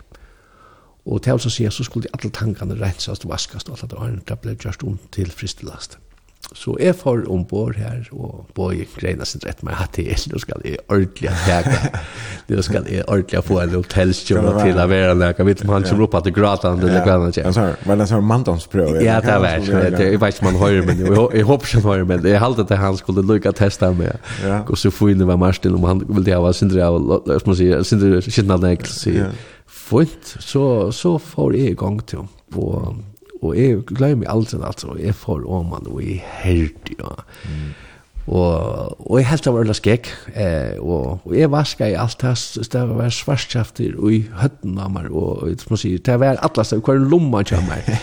og så kom han, så kom han om, og det var det Paul, pappabajin som eh, var kjipar, så han tar turen var vi, og Og jeg halte det skapa en liten respekt for meg at, ok, ja. han kunne godt ha lukka av ja, okay, ja. Så här var det faktiskt fem turer vi. Mm. Ja, du, vi du minns det som däckare? Ja, jag var som däckare. Ja, du kunde ju inte vara kockare. Jag kunde ju nej, det är jag var inte göra. Men uh, däckare hade varit fantastiskt. Och ägsen tante det inne där. Eh, så inte att det ser som silt som var vi. Det är jag som gör det showgarsp, men det är som silt och det brukar jag har vi alltid brukt det och det är grön med mig hotell och där så kommer in tror det är så stolt läst det komma in så ser vi receptionisten som tar emot vi kommer att se det är en som jag har silt hemma vi. Ja. Jag var så manslet. ja ja. Ja, man hørte det i vik, jeg halte over høstkveld, ja, det er alle bitt at nått skip for Norrborg. Ja, ja, ja, jeg var faktisk til måttøkene her, da Christian kom inn, ja. Boje og vi har haft samband jo med han han var nere i bygdeisene og så, så, så jeg visste han han kom inn inn vid den kjøkken. Okay, altså kriplet der finner noen uh, slapp steg etter eller gang? Så kommer han nødt snart på. Ja, det Nei, det var stort det var ordentlig stort Det, jeg skal si at det var virkelig skrekket prøve, ja. Det kan kanske vara gott att hitta så en avslappnande tujarskai från hotellverksamheten. Ja, man, man vet aldrig. Man vet aldrig. Man vet aldrig. jag vet jag vet hur så härst det är det. Det är så läckert och luxuriöst och så ut att shit. Det är det som du som du kommer in på nu. Jag söker kvärt hur så skipne söker ut i det. Alltså det alltså att det var imponerande. Jag helt han gamla Norrbock som Eva vet att det inte hända Norrbock som är nu den en tant som var kom kom Arden men så ikke at det er skip i det, hvordan jøkken først eh, det er, altså til det samme, til det er nok stått som Boje og jeg og Tås om til det, jeg har bygd et hotell, og han har bygd et skip. Og lykheiten, er øyla lukka. Ja. Nok så nok så skek, som man ta. ja ja vi skulle göra sauna og vi skulle göra ja. Og vi tar vart här vi tar vart här jacuzzi och det var isen det var faktisk isen ombord. Ja. Så kom ombord her så tja så flott fantastisk fantastiskt det da. Men og kommer när så han det og Ja ja ja vi tälte så kommer ta men tar jag oss egna kamera der. Ja. Men jeg vet ikke at det er så väl ondt, og helt det er fantastisk, altså. Ja. Martin, jeg hadde vissel bare spille en sang at vi det her jo nærkere etter, ja. og um, et par som eisne platt jeg vidt jo du i av SAS Hotel, noen av Royal SAS Hotel, det var det bare ur Roxette, ja. som eisne var i førre. Ja. ja. Møtte du Timon nästan? Ja, ja, ja, ja, ja, ja, ja, ja, ja. Men det fikk ikke, så jag fick inte kamratskap i Timon som vi gjør det samma vision där. Men, uh, men uh, hva man ikke har haft uh, av stjärtnum, jag kan tro in att det här tvei hoteller i København som var her som stjøtnar da det kom til Danmark hver det bo. Det var av Dangleter, mm. og det var av Royal. Det var de førende hotellene, de fine hotellene i København. Så jeg har haft utrolig nekv kjent folk. Ja. Ja. Mm -hmm. ja, vi venter etter om en lytte løte. Vi skulle altså høre Roxette, og som vi har nevnt nekker ferie, så blir det altså til å sende en avimersing, en helsehandel, en spurning, og av Facebook-søgene til bransj, eller senda til uh, sms-skipanna 22400. Hette her er uh, store hitte til Roxette, Listen to your heart.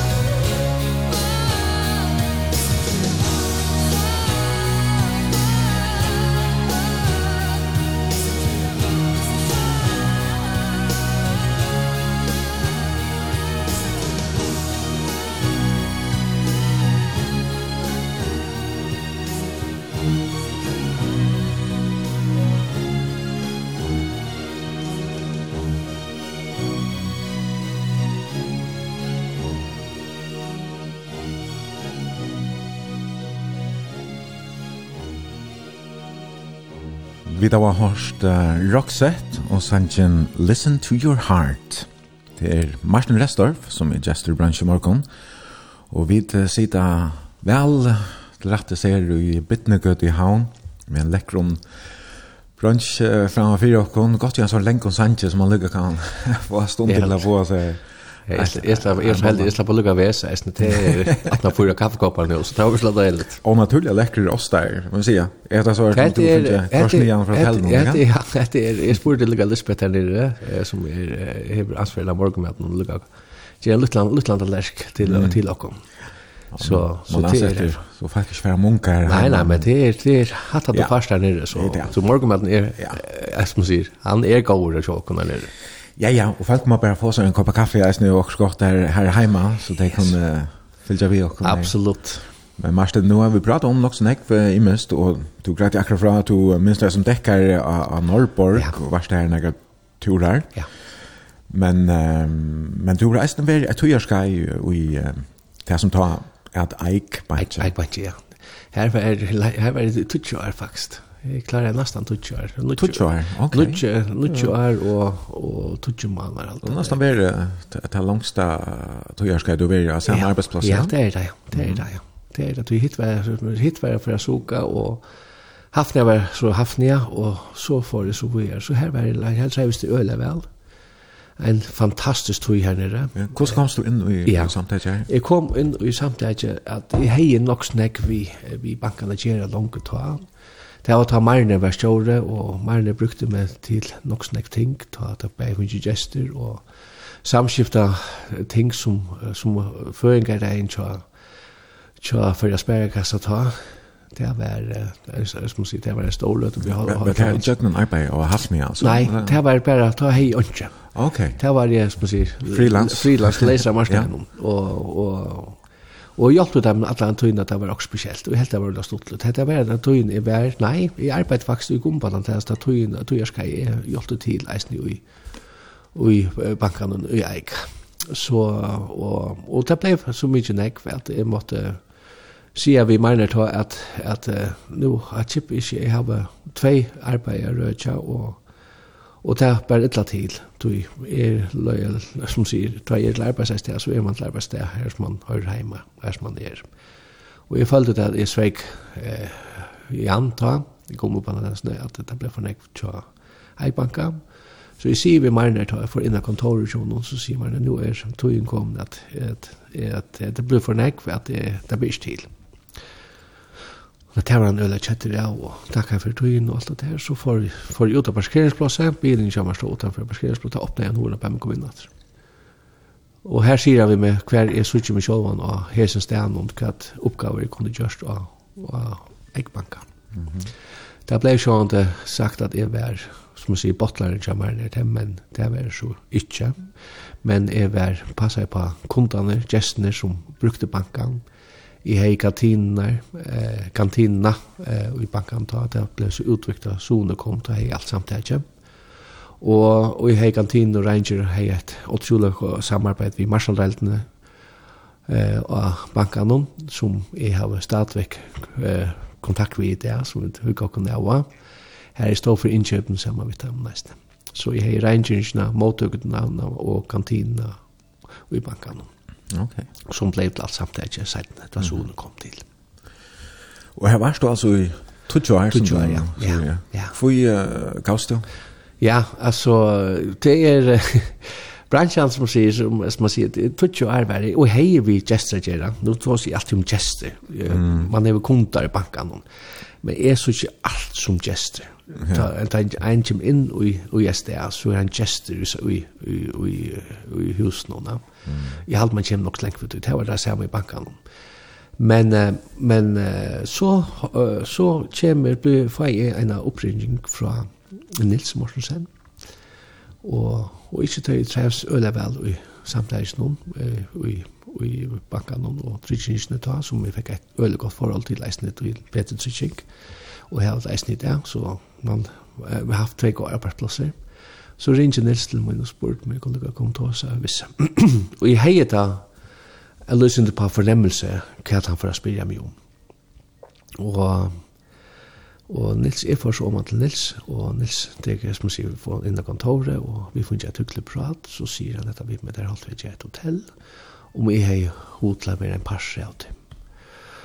Og Nils, som veita, som er en forretningsmøver og en fantastisk person, eh, verdensklasse, sier akkurat som det er, Jeg vet ikke om man hører meg nå, men Nils er jo fantastisk.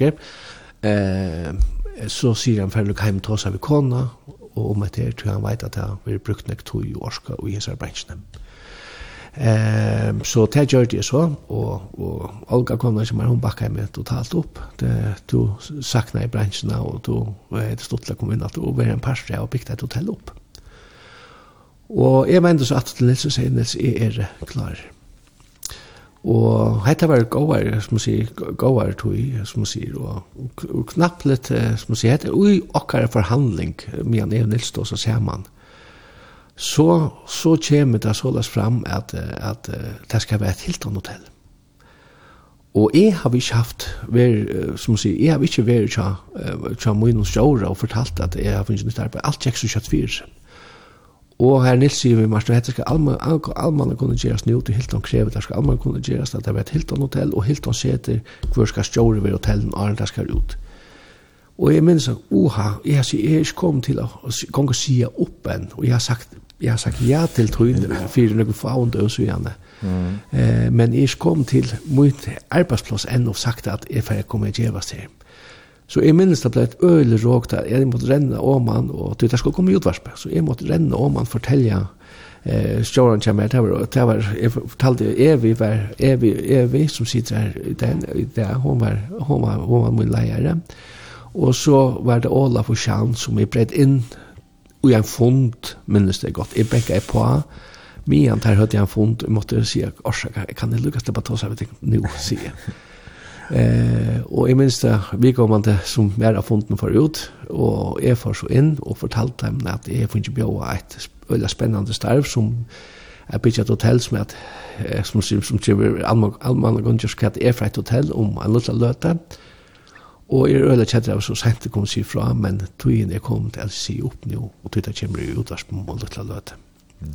Så la han så søvann, og tog at det er så la at jeg vilja, altså, at la ferdig skulle personalet høyre at årene kommer ut nå nei. Ja, men så, ja. Og helt om det er et, et rettelig bonde konsept. Du nevnte det at det skulle være så, så stjålen skulle være sett for årene kom ut og ja, alt det der. Ja, Og du var så vidt at uh, bygge hotellet, du var vidt fra byrjan kan man ja, säga. Ja eh och la bitcha allt upp men men uh, allt ver lukar som allagt från koncernen hur ska ska vara ja, legal ja. Alltså mig eier bikningen som han är det ja. mig som eier bikningen och tecknan och så vill han som sålde till Hilton och så till en brandstandard som ska hålla det in efter ja. Och till det här till det som kommer med en brandbok som säger Gustav ska skjuta ut hela mm -hmm. Og til er øyla bondeslitt av å si at vi tar unge avvirkene av verelsene. Verelsene er et simpelthen en, en en bøylat som kommer, eller materiale, heter det her, så skulle det se ut, og i arbeids. Kom til det, vi har släppa här dina grejer, få dina grejer liter av väljemedlen bland annat sådant alltså. Vi finns inte några vi finns inte några liter av kømerne, altså liter vi tar ikke några mynter fra Andreas loftmynter som myndelistran var inn for Jakob. Og så var det Harriet finnes noen føreska puter fra Harriet eisne. Mm, okay. Som vi er utrolig glede for, som eisne er, som man sier, og til gestene spyr etter det kan få det til seg putene fra, og der selger vi det eisne i shoppen der nere. Ja. Men altså, bare på for kaféer får den här Big på plass, så er det så er det Twitch kafé i Louis og Atlantic som eier själva Big ja. altså ja. Big Nine. Ja. Og så Atlantic Airways som är i Rackstrafella som regel hotellet. Akkurat det akkurat bygget så så det er Louis Atlantic som är byggningen og så er jeg ansetter i Rackstrafella som driver hotellet. Ja. Og hva vi Hilton, er det så bare navn? Hilton er, er vi ikke, Hilton eier ikke i et hotell. Det er, det er, det er, det er, det er, det er, det er, det er, det er, det er, det er, er, er, det er, er, det Og det er så øysta fire ganger. Ja. ja. Så Hilton gjør ikke noe uiløve i hotellet som så? Nei, altså. men det er en, en, en, en øyelig av uiløve heva der, sier på den måten. Ja. Du vet, her, Hilton navnet er så kjent, og folk vet at det kan inn, innebære eisne vi, vi standard i ørene, ja. at jeg vet at gestene som er uh, worldwide vet hva Hilton står den for. Mm. Hetta var så i, ja, du byrja nok i Oatjana, og så vet ikke om du ikke Ja, jeg vet ikke om hotellet åpnet en nøyden. Nei, det åpnet ikke for 20, ja. Og det var oktober 20. midt i korona-kreppene. Ja. Så alltså för att du säger ja tack till det här starv här och sa för dig hur allt skulle föra gänka och så till hotellet öppna ja. Ta här var hemmen fullkomliga bröst. Alltså det är en helt otroligt underlig tog. Eh, eisen typ ansett allt kort som det skulle vi var i gång med byggnation och stöping och formar kommer. Hur var var tjänsten gjorde mäknar arbeid här vi byggnation och kontrast var så som man säger stå för öllon här. Men eh, jeg minst har vi kom i gang, og alt, så kom korona, og alt ble forsinka og ja, alt var omtallet. Vi visste ikke når vi skulle oppnå hotellet, og, og det ble bare verre og verre. Og, men så, så var vi klar. Mm -hmm. Vi var klar. Eh, vi bor jeg bare, vi bor jeg bare, men jeg var ikke en gestre, jeg var, jeg var ikke en gestre, hva gjør vi da? Og her tar seg en som, hva vi gjør, så sier Nils, hva skal vi åpne? Og vi åpna det klokkan. Klokkan halvkon åtta funnet vi en godkjent for Hilton, og vi var klar for å åpna. Og jeg minns vi skulle underskriva en 300 på 300 på æren, og æren vi åpna i, så det var, det var fullspilt av kassan, og så kort det, så klokkan, om klokkan 12 til åpna hotellet, vi null gest. Ikke en den eneste gest. Ja, det var i oktober. 20. oktober, ja, ja. ja det öppna hotellet och i ringaste tog och allt det. Och inte utlänningar? Nei, jeg var ikke, jeg var, jeg var ikke. Allt var luckan. Jeg var alt ikke, jeg var lukka. Kvart? Hva gjør du så? Hva gjør man så? Så var vi tatt lagt, vi må gjøre et eller annet. Vi må gjøre et eller annet. Og her kom det så man forholdt vi at gjøre noen filmer og få føringsene bruk og kom. Og jeg minns da vidt at jeg hadde haft nye tilvær, da gamle dager var det til du sammen ikke silt i, om flikvaren ble avløst et eller smyrer ikke silt i til surrettene på grunn av ringe og vekkere.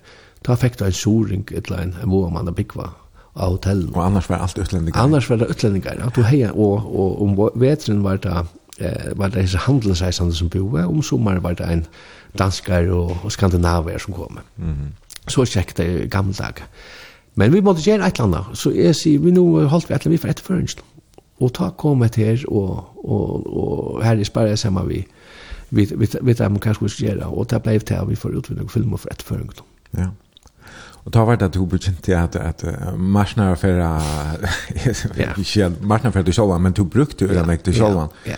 Du har utlevera Ja, ja, utlevera. Jag har just det som säger. Ja, vi utlever bär i hopp och spa bär vi klävon och annat, men eh, fören kan hålla det skräck uh, och jag håller det faktiskt ordentligt skräck själv. Alltså för jag säger wow, wow. det är så vitt så vitt.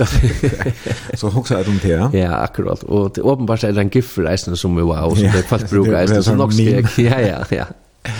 Nej men det är det är ordla ordla skekel ordla ordla stort lite att haft gångt i alluga shop corona var och förrän kan det tar vält igen tar följdes som hem att det ger det stad. Ja, det lika ju ja det har du alltså något gå till på. Ja, ja men jag måste säga men ja akkurat helt han kort det var kampanjer som man säger vi kallade vi tar. Eh allt var mer var lucka. Mm -hmm. Eh men det är inte Lena Hilton Eisner ringt ringt och spurte vad sker där vi kunde sälja så snack. Vi hade en en beläggning som var hackre en worldwide alltså där vi hade ta hacksta beläggningsprocent worldwide ett år skai. Mhm. Mm och kvar kemst det av. Det var simpelthen erfaringen som sier, heter okkara vi færa færast av Hiltona, og det brukte alle hotellene. Det var, det var, alle, det var gongt til alle hotellene. Det var ikke bare sjokk. Det jo eisen Ja, ja, det var gongt til alle Det var samme kile, ja. Det var føringer som ville oppleva nægast her, for jeg sitter heima. Og etter færa minstre som, på en eller annan måte, så halte jeg, det brøttes da, hevde det så være vi? Nei, nei, det er som du sier, så kom sommeren, så kom gestene eh utlendingarna och där här var sannliga vi här i fjörreisne vi hade en öla hög beläggsprocent i i sommar i fjør, og det her var henne i hotellen eisen, så det brøtte minst ut av. Føringen var i laorsketøy, og så kom utlendingene i heisisen. Og det, det hender akkurat nå eisen. Det hender samme i år nå, at, at de hukte, vi må gjøre et eller annet tøy her for fri, alt det kom ikke når koronablåser i sjående opp det, og alt var kjeilet enn og enn affær, og her måtte jeg tanke, nå gjør vi enn og enn kampanje her i Seat, 24 timmar fjør, nå prøver jeg å sitte 25 timmar. ja. Og det har hjulpet eisen. Det har skapet en ordentlig god belegning. Da folk høyre til at de fer ut, det er bylagt seg kamera helt, og så tross at de vil nabygge noen eller bindeklubber, da var skal vi færre eisen, ja. ja. Og så, så vekser blekkspråten i armen, og derfor bare vi er, vi er, ja. Men, ja. men det var, det var fint, vi finnes jo selv ordentlig enn til, til notten eisen. Ikke, not, ikke så redan enn nottena, som i fjør, de lærte jeg feilen i fjør, at jeg sier at Det er onker som rengt et gard 192 fyrir fjør og iskom jøknen, her er valdi a sida vi trimo falkon om det hegin. Er vi funnet nekva avgreiing, vi avgreit i kjøtt. Det lærte jeg av nu. Ja, så du heia sin der hjelp så? Jeg hei nekva hjelp fyrir avgrei, men tås hei vi kvann einastam, vi kås hei vi kvann einastam, og kvar du deg som vi er til buttinga kipanne. Ja. Ja, du erst uh, en, en kjønnelig stjåre, man sier da, men uh, papen var eisne ja. på samme måte, ja. og, og Jan kanskje ja. eisne bare til Akkurat på samme måte, akkurat på samme måte. Pappa, eh, som sier, resten av familien er kjønnelig, og at det er en bedre måte, er alt på pura naturligt. Mm. Hadde ikke nekka vi tving okken til, eller vi skulle lære, hadde nekka vi til å kjenner ikke til noe annet. Nei, ja. Nei. Martin, nu har vi tåsat nek om, om familjen och där sånt, men vi har kanske inte tåsat så öjda nek om systerdina. Lukka, ihåg sig lika på henne vi ästen der, Så hon inte följt sig Nei, nej, hon er en stor person min löv i ästen, ja. Men hur hon, finnes jeg snakka vi i hotell, vi ser vilket stämmer ästen? Nej, hon, hon är, som sier på samme samma dag, mamma var nok nek sjuk ta, og, ta vi, ta vi, da jeg var unge, og her Katrin hever passa, mamma var arbeid, så Katrin passa på okkur nek, va? Mm Men Katrin er eisne vera store parster av hotellversjonen da hon var ung, det er ivist ikke vi. Eh, men Katrin får ikke hotellveien, hon, hon, hon, hon får skola, og så hon var, hon er, finnes jo nekka gav, hon finnes jo nekka deilige dranger, eh, som er, ja, faktisk, eisne nesten som badger for meg, du, aldersmånen med systemen er så store, Så så hon finns ju dejla några dranger och och och och ta väl se att vi och är bransche är rikt att ha en familj hemma och ha barn. Ja, men, ja. men hon hjälpt till och hon var hjälpt ut näck var till hotell och nästan hon och, och, och ranger i housekeeping. Och hon är en kämpar. Alltså systemen är ja Jeg vet ikke om man skal, hvordan jeg skal løse henne, altså, men hun er, hun er bare et, et menneske som, klarar meira enn vid ånder, og hever meira energi, hever meira, jeg vet ikke hva man kan kalla det, hon er, altså heimet til henne og Ola er så spesielt at hver og ein er velkommen inn her, her er bare en lusk leie inne til siste minne og Ola, altså, ja. Her er bare en sal. Og hun bo her i Grannaland. Hun bor, ja, ja, det er høyesinn, og så får Nina Gripsøy, det er bare lykke rundt om hjørnet, men mm -hmm Her, hon hever, hon, Katrin hever en, en, et hjerte av god, sier på den måten. Ja. Og Ole bare sier om det er gov i ødel, og ødel gov i. Han har ju alltid med den här har alltid haft passion för bilen, nästan. Ja, Ole, ja, det er bare så. Jag ska kalle för bilarna. Bilarna, bilarna, bilarna. Kan Ole, bil, Ole. Katrin, er hun Nei, nei, nei, nei. Det er jo sikkert, og jeg vet at hun er stolt av alt han ser det også flott så damerna har godt, og jeg kan forstille meg til det att Olle Wilson ofte ofta när hon fälker lite landa men at det at det er så att så där men men Katrin har så eisne som sier, hun er ikke, hun er arbeid, og arbeid kämpar en eisne ja lower kare och arbete ja. Og att eldast. Ja, ja. Og lever så ut vi som er stadigvæk her, så, så det, det kører det hele. Ja. ja. Og for ikke, nu, jeg ser på dem, nu er det, nu er Katrin blevet omma til sånn ek, og omma omarbeider til sånn ek, så jeg føler meg sin gamla, omba, det er jo så gammalt. ja. Så fantastisk, som man sier, det er for ikke en utrolig nek gaver. Ja.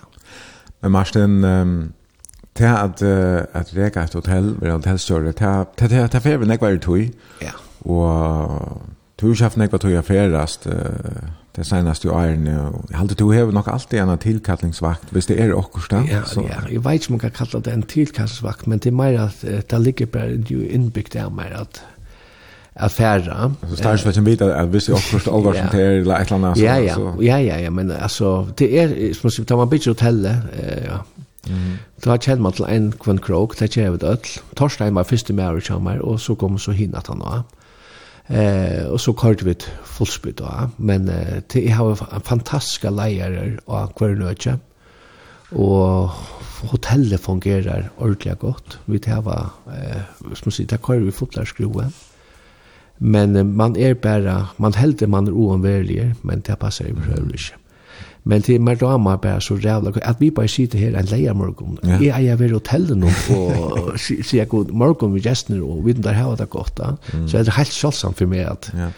ja at jeg sitter her. Men, jeg må si, men, men det er køyrer utan ena lukavast, men ja. det er bare innbyggt i en, man skal alltid være der, ja. Mm.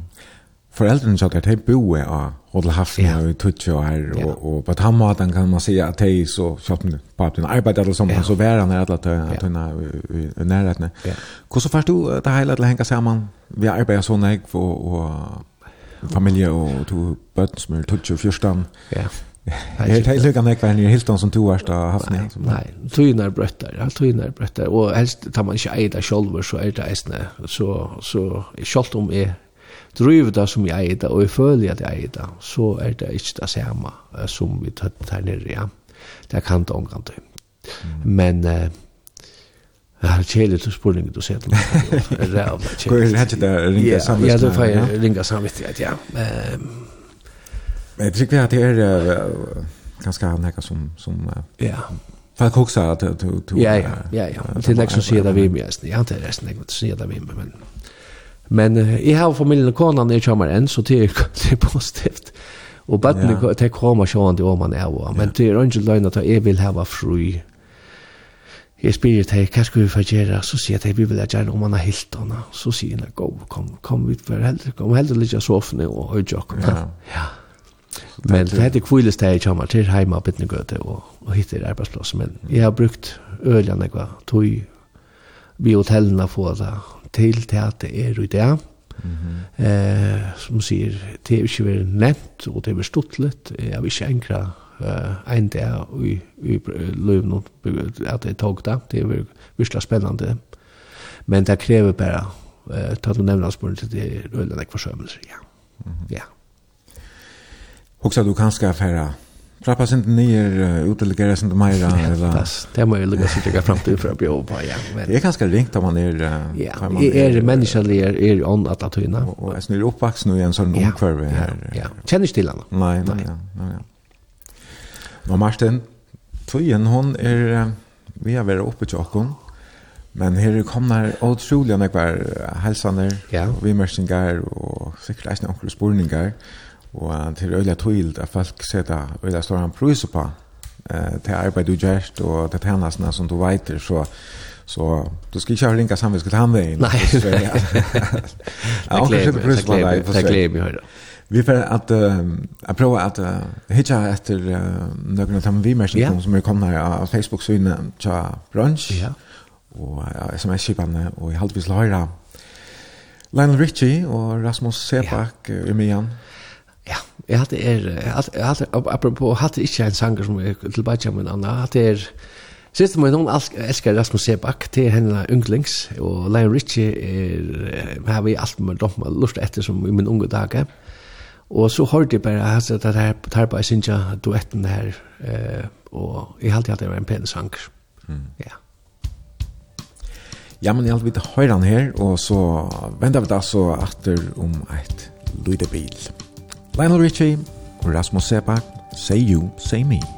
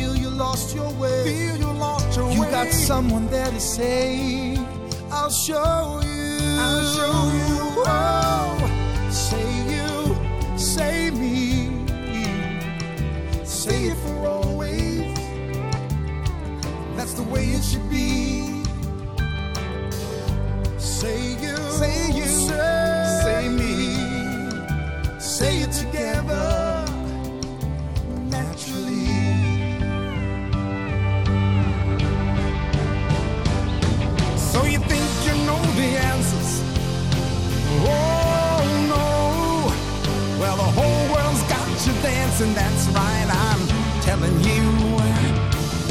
It's time to start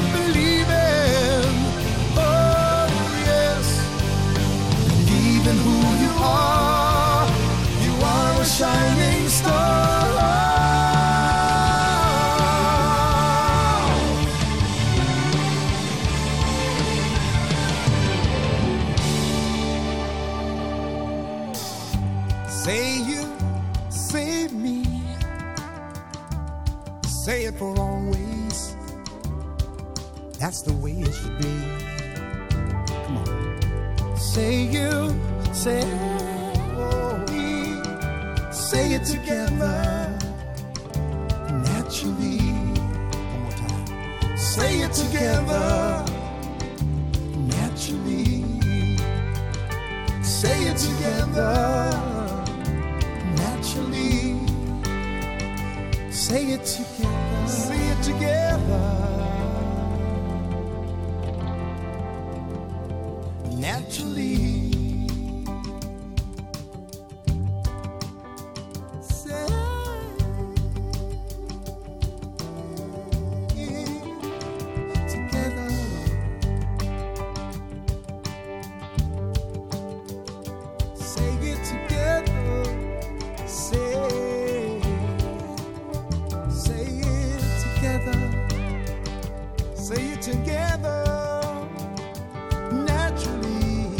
Lionel Richie, saman vi er Rasmus Sebak, Say You, Say Me. Du lort her etter brunch, Jester i morgun er vera Marsten Restorf, og vi da har sendt beinleis ur stoven i heima tja Marsten og Olga, i bytne gøt i haun. Det er fantastiska lekre, flotte, åpne, nøy omvalde stovene, vi utrolig flott er list av veggen om. Og ja, vi er om å være litt nu vi sendingene, sendingene, men uh, vi får at uh, det kan være helsaner og vi merkninger og så som er kommet. Vi kan gå og snakke tar timer, altså. Ja, det kan vi sagt, altså. Det kan vi sagt, altså. Vi får ikke til det i det, i kvoss vi. Det kan jeg stått av vi merkninger. Marsten er så super cool. Jeg sier bare, wow. og... Um, Ja, her er uh, en som skriver Hei Marsten, stå til deg å høre det Jeg minnes ta du vært smadronker for a grekarsmessig halt vi mammedøyne. Vi heima tekna hun førskon flatje, ta var Jan Flower. ja, det passar. Det minnes det faktisk ordentlig godt. Det minnes det faktisk ordentlig godt. Det var, det var heima tekna flatje, det passar. Det er helt annet var noe cool. Ja, ja. alt var stort slutt, altså. Ja. Nei, ja. Her er det komnar ordentlig nekvar helsaner, en skriver resten her, så god alt høyre til i morgen, jeg er så heppen at kjenne deg Det er alltid så hun alt møter deg. Jeg glemmer ikke da vi var i vikeskiftet, vi har hilt om Da har du kort kævan av okkara bile. det er godt, og du har en fanker for Hilton. Godt du ble stjåri her, skriver vi kommande. Ja, du sier at du gjerst nekvar og imenskar oppgaver og tjenesta enn nekka du overslende ja. ha med etter, men jeg legger fram at kæra kævan av bilen tja gjerst noen, tja, jeg har unga de hårt nekka stjåra som vi gjerst for. Nei, Jeg er ganske kjell, som man sier, jeg synes røves. Ganske omkring du kjenner det vel? Nei, det har vi, det passer. Jeg pleier å stande her ute vi og skumpa kæva av alle bilen da omkring, omkring morgen. Ja, jeg skriver her, um, Ongen leier der utan brunch. Jeg sitter hinne mina hjørna i Perth, i vestre Australia, og lustig etter tikkun mian i boi etter kipen som kommer inn manadagen, og Stod til å høre Marsten greia fra. Ødel vita hver Marsten er, men ødel vita ganske ikke nek om han. Undan gonger med over og fire mynd i sin iskje. Ja, her er uh, en som skriver her, uh, jeg er en seksårig gamla drong som sitter vi antakt og lorser etter sin hetjo, Marsten. Gåvast, jeg har vet akkurat det. jeg minner som baden omkring sånne der, vi får om man har haft nye at eta, så fantastisk måltøkka og smil fra Johan. Ja. Yeah. Jeg var sånn jeg gav minner om Johan. Man vet hver Marsten hever sitt store hjerte fra, da man kjenner familien seg. Vi gleder oss å komme etter av Hilton, skriver jeg ned. Så Lorstein. En annan skriver, jeg sier vi andakt og lorste, jeg husker om gåa tøyre Hafnia. Vi var som en stor familie, en fantastisk tøy her tid. Johan, MC og to, lærte meg alt om hotellbransjene. Ikke det er alt det beste, helsan Mæland. Ja, Mæland, ja. Og um, ja, her er, her er faktisk eisne flere minner om, om pappa døgn. En skriver her, Hei brunch, og tid er så deilig å høre Martin i morgen. En løytel søva, jeg skulle innleggjast av Soria sjukhuset og være ytla fire og styrte hverjon jeg kom en litt sammen vi. Ja. Og kom vi smyrle så mykje seint at alle hinner fyra manns av stovene var lakster. Ja Men den ene var vekjen enn, og han halsa i pent, og jeg kjente halsan med atter. Det var Johan, pape Marsten. Da blei vi beina vi en roligere, vi prata og ikke nekv tekvelda, men resten av tøyene var Johan bare så blodgjur og fitter vi med. Han var et så deilig menneske, og mest nok at jeg heide ikke godt. Og Marsten er akkurat samme gåa folk. I tjallen kjenner alle hessa søvene å fortelle om papatun. Vi bare ble tatt til viner at han heter, og Johan hjalp meg nekv. Og da papetøyen tog verre for alt av tullja Marsten Gåe, da ble vi vidbeier gode viner, og jeg takk derfor at du, at du erst som du erst vineren, er fantastisk menneske. Ja, nå ble du helt rørt. Ja, ja eh, jeg skal nok lade være ved å lese. Wow. Nei, her er nekvar, og ja, vekrar helsaner, helt sikkert er, er en som skriver um, jeg sendte der en helsan til uh, Gå Marsten, så fitter du blod med og ligger mye hver man møter der, alltid er smil og er godt år av en om hver man deg Virkelig godt og rørende og høyrende Gå Marsten vi familien. Størst klem til tikkun ødel fra vinetøynen ur Moaien. Ein skriver her, i arbeidet jeg haft og i forsen og femsen ta vær Marsten ein charmerande teenager, og enn tante i det her får jeg et størst klem da jeg kom inn av Hilton. Marsten, du er one of a kind. Ja, og en annan skriver her snill. Til så hun alltid har Marsten at vi i kaffemånden i morgen. Frintligere mannen møter du ikke. Jeg er ferdig så lengt som jeg sier at hadde vi dødl haft hans herre hjertelige personlige enleggere, så var heimeren et bedre sted. Her var en god del vinneren. Ja, og nekvar, ja. nekvar går helsan er av at Du slipper å lese der atler. Ja, det er stort. atlar nå. Ja, det er stort, ja. Vi får kjørt ordentlig stunder til meg enn jo. Nei. Det här var en senaste sang vi skulle spela i isne. Ja. Eh, klockan är nu. Ja. Den senaste hälsan ner. Ja, det dejliga haunamal. Driv av marsten. Jag vet. Ja, ja, vi har en sank efter och det är en sang som um, också väckna um på er tuna bandet ja, det det är det faktiskt att det är som man säger som som du nämnde ju Anna så är hemma i släkatvis hemma vi familjerna och Anna. Mm Eh, och hade men hade jag sälja sanger som kona kommer älska som blir jag lust efter och vi glädjer stund av vi tar den sangen. Ja. Och jag har haft han förr uppe i Vendaisne men hade jag en sanger som man finner alltid en ynglingssang och mm. hade en chock. Ja. Ja. Vi enda så vi eh, Louis och Trönta. Ja. Det var synja den här svajmande ejde sangren. Akkurat. Vi kunde haft tåsa om om i misstänka träta nu vi det men men jag vet du hever eisne vinner och starsfällare som du hittast vid. Nu jag det kanske som du bär arbetar men nej nej nej nej nej nej. Nej vad vem och det där med klubbar. Ja ja. Ja. Och typ blir också affæra Paris eller turer ja. og, vi färd till Paris vi det är vi vi ger en tur nå da själva vi er korona så er körs snäga. Men vi är Jakob som er kökkenchef fra Angleterre og og Brauer og Halter vi er under Jammer som eh, som bor i Klaksvik i dag, men vi sykjes det av at det er glede meg. Og jeg selv vil pleie å gjøre sånn tur til Paris.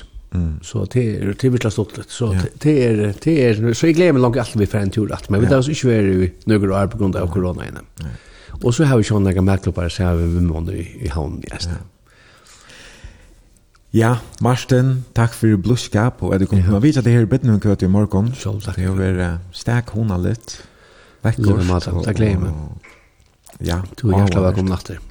Takk for det. For jeg skal takke alle lortsterne som har sendt en rikve av vimerkingen og, og helsanen og sms-kjipene. Så kan lukka minna av at det denne her sendingen. nå blir sendt atter i en her sintestittlig utgave torsdagen klokkan 1 og annars lagt ut av heimasynet til kringverpen enn for der nå 17 parsten. Hette var altså brunch hesafer. Jester var Marsten Restorff, jeg er Efen Jensen og bare jeg atter vi brunch og nødvendig Jester leger deg klokkan 5 minutter i ututje. Takk til oss som lortet og godt vikeskifte. Musikk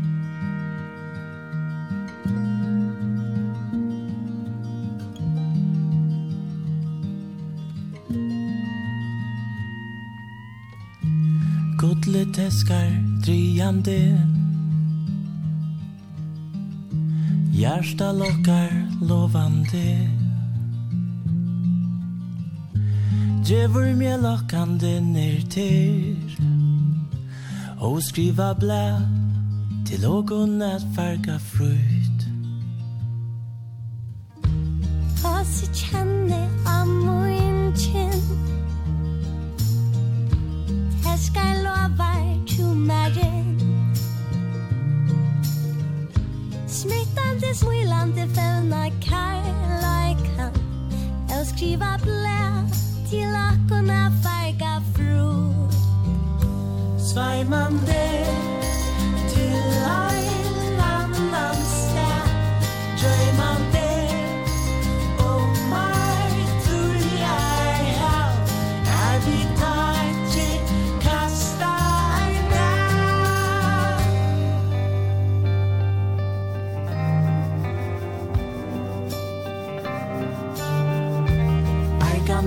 grannar skifta vid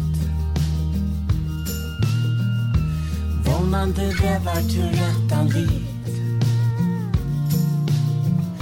Smittande smilande fånar kärleikan Och skriva blä till att kunna färga fröjd Svajmande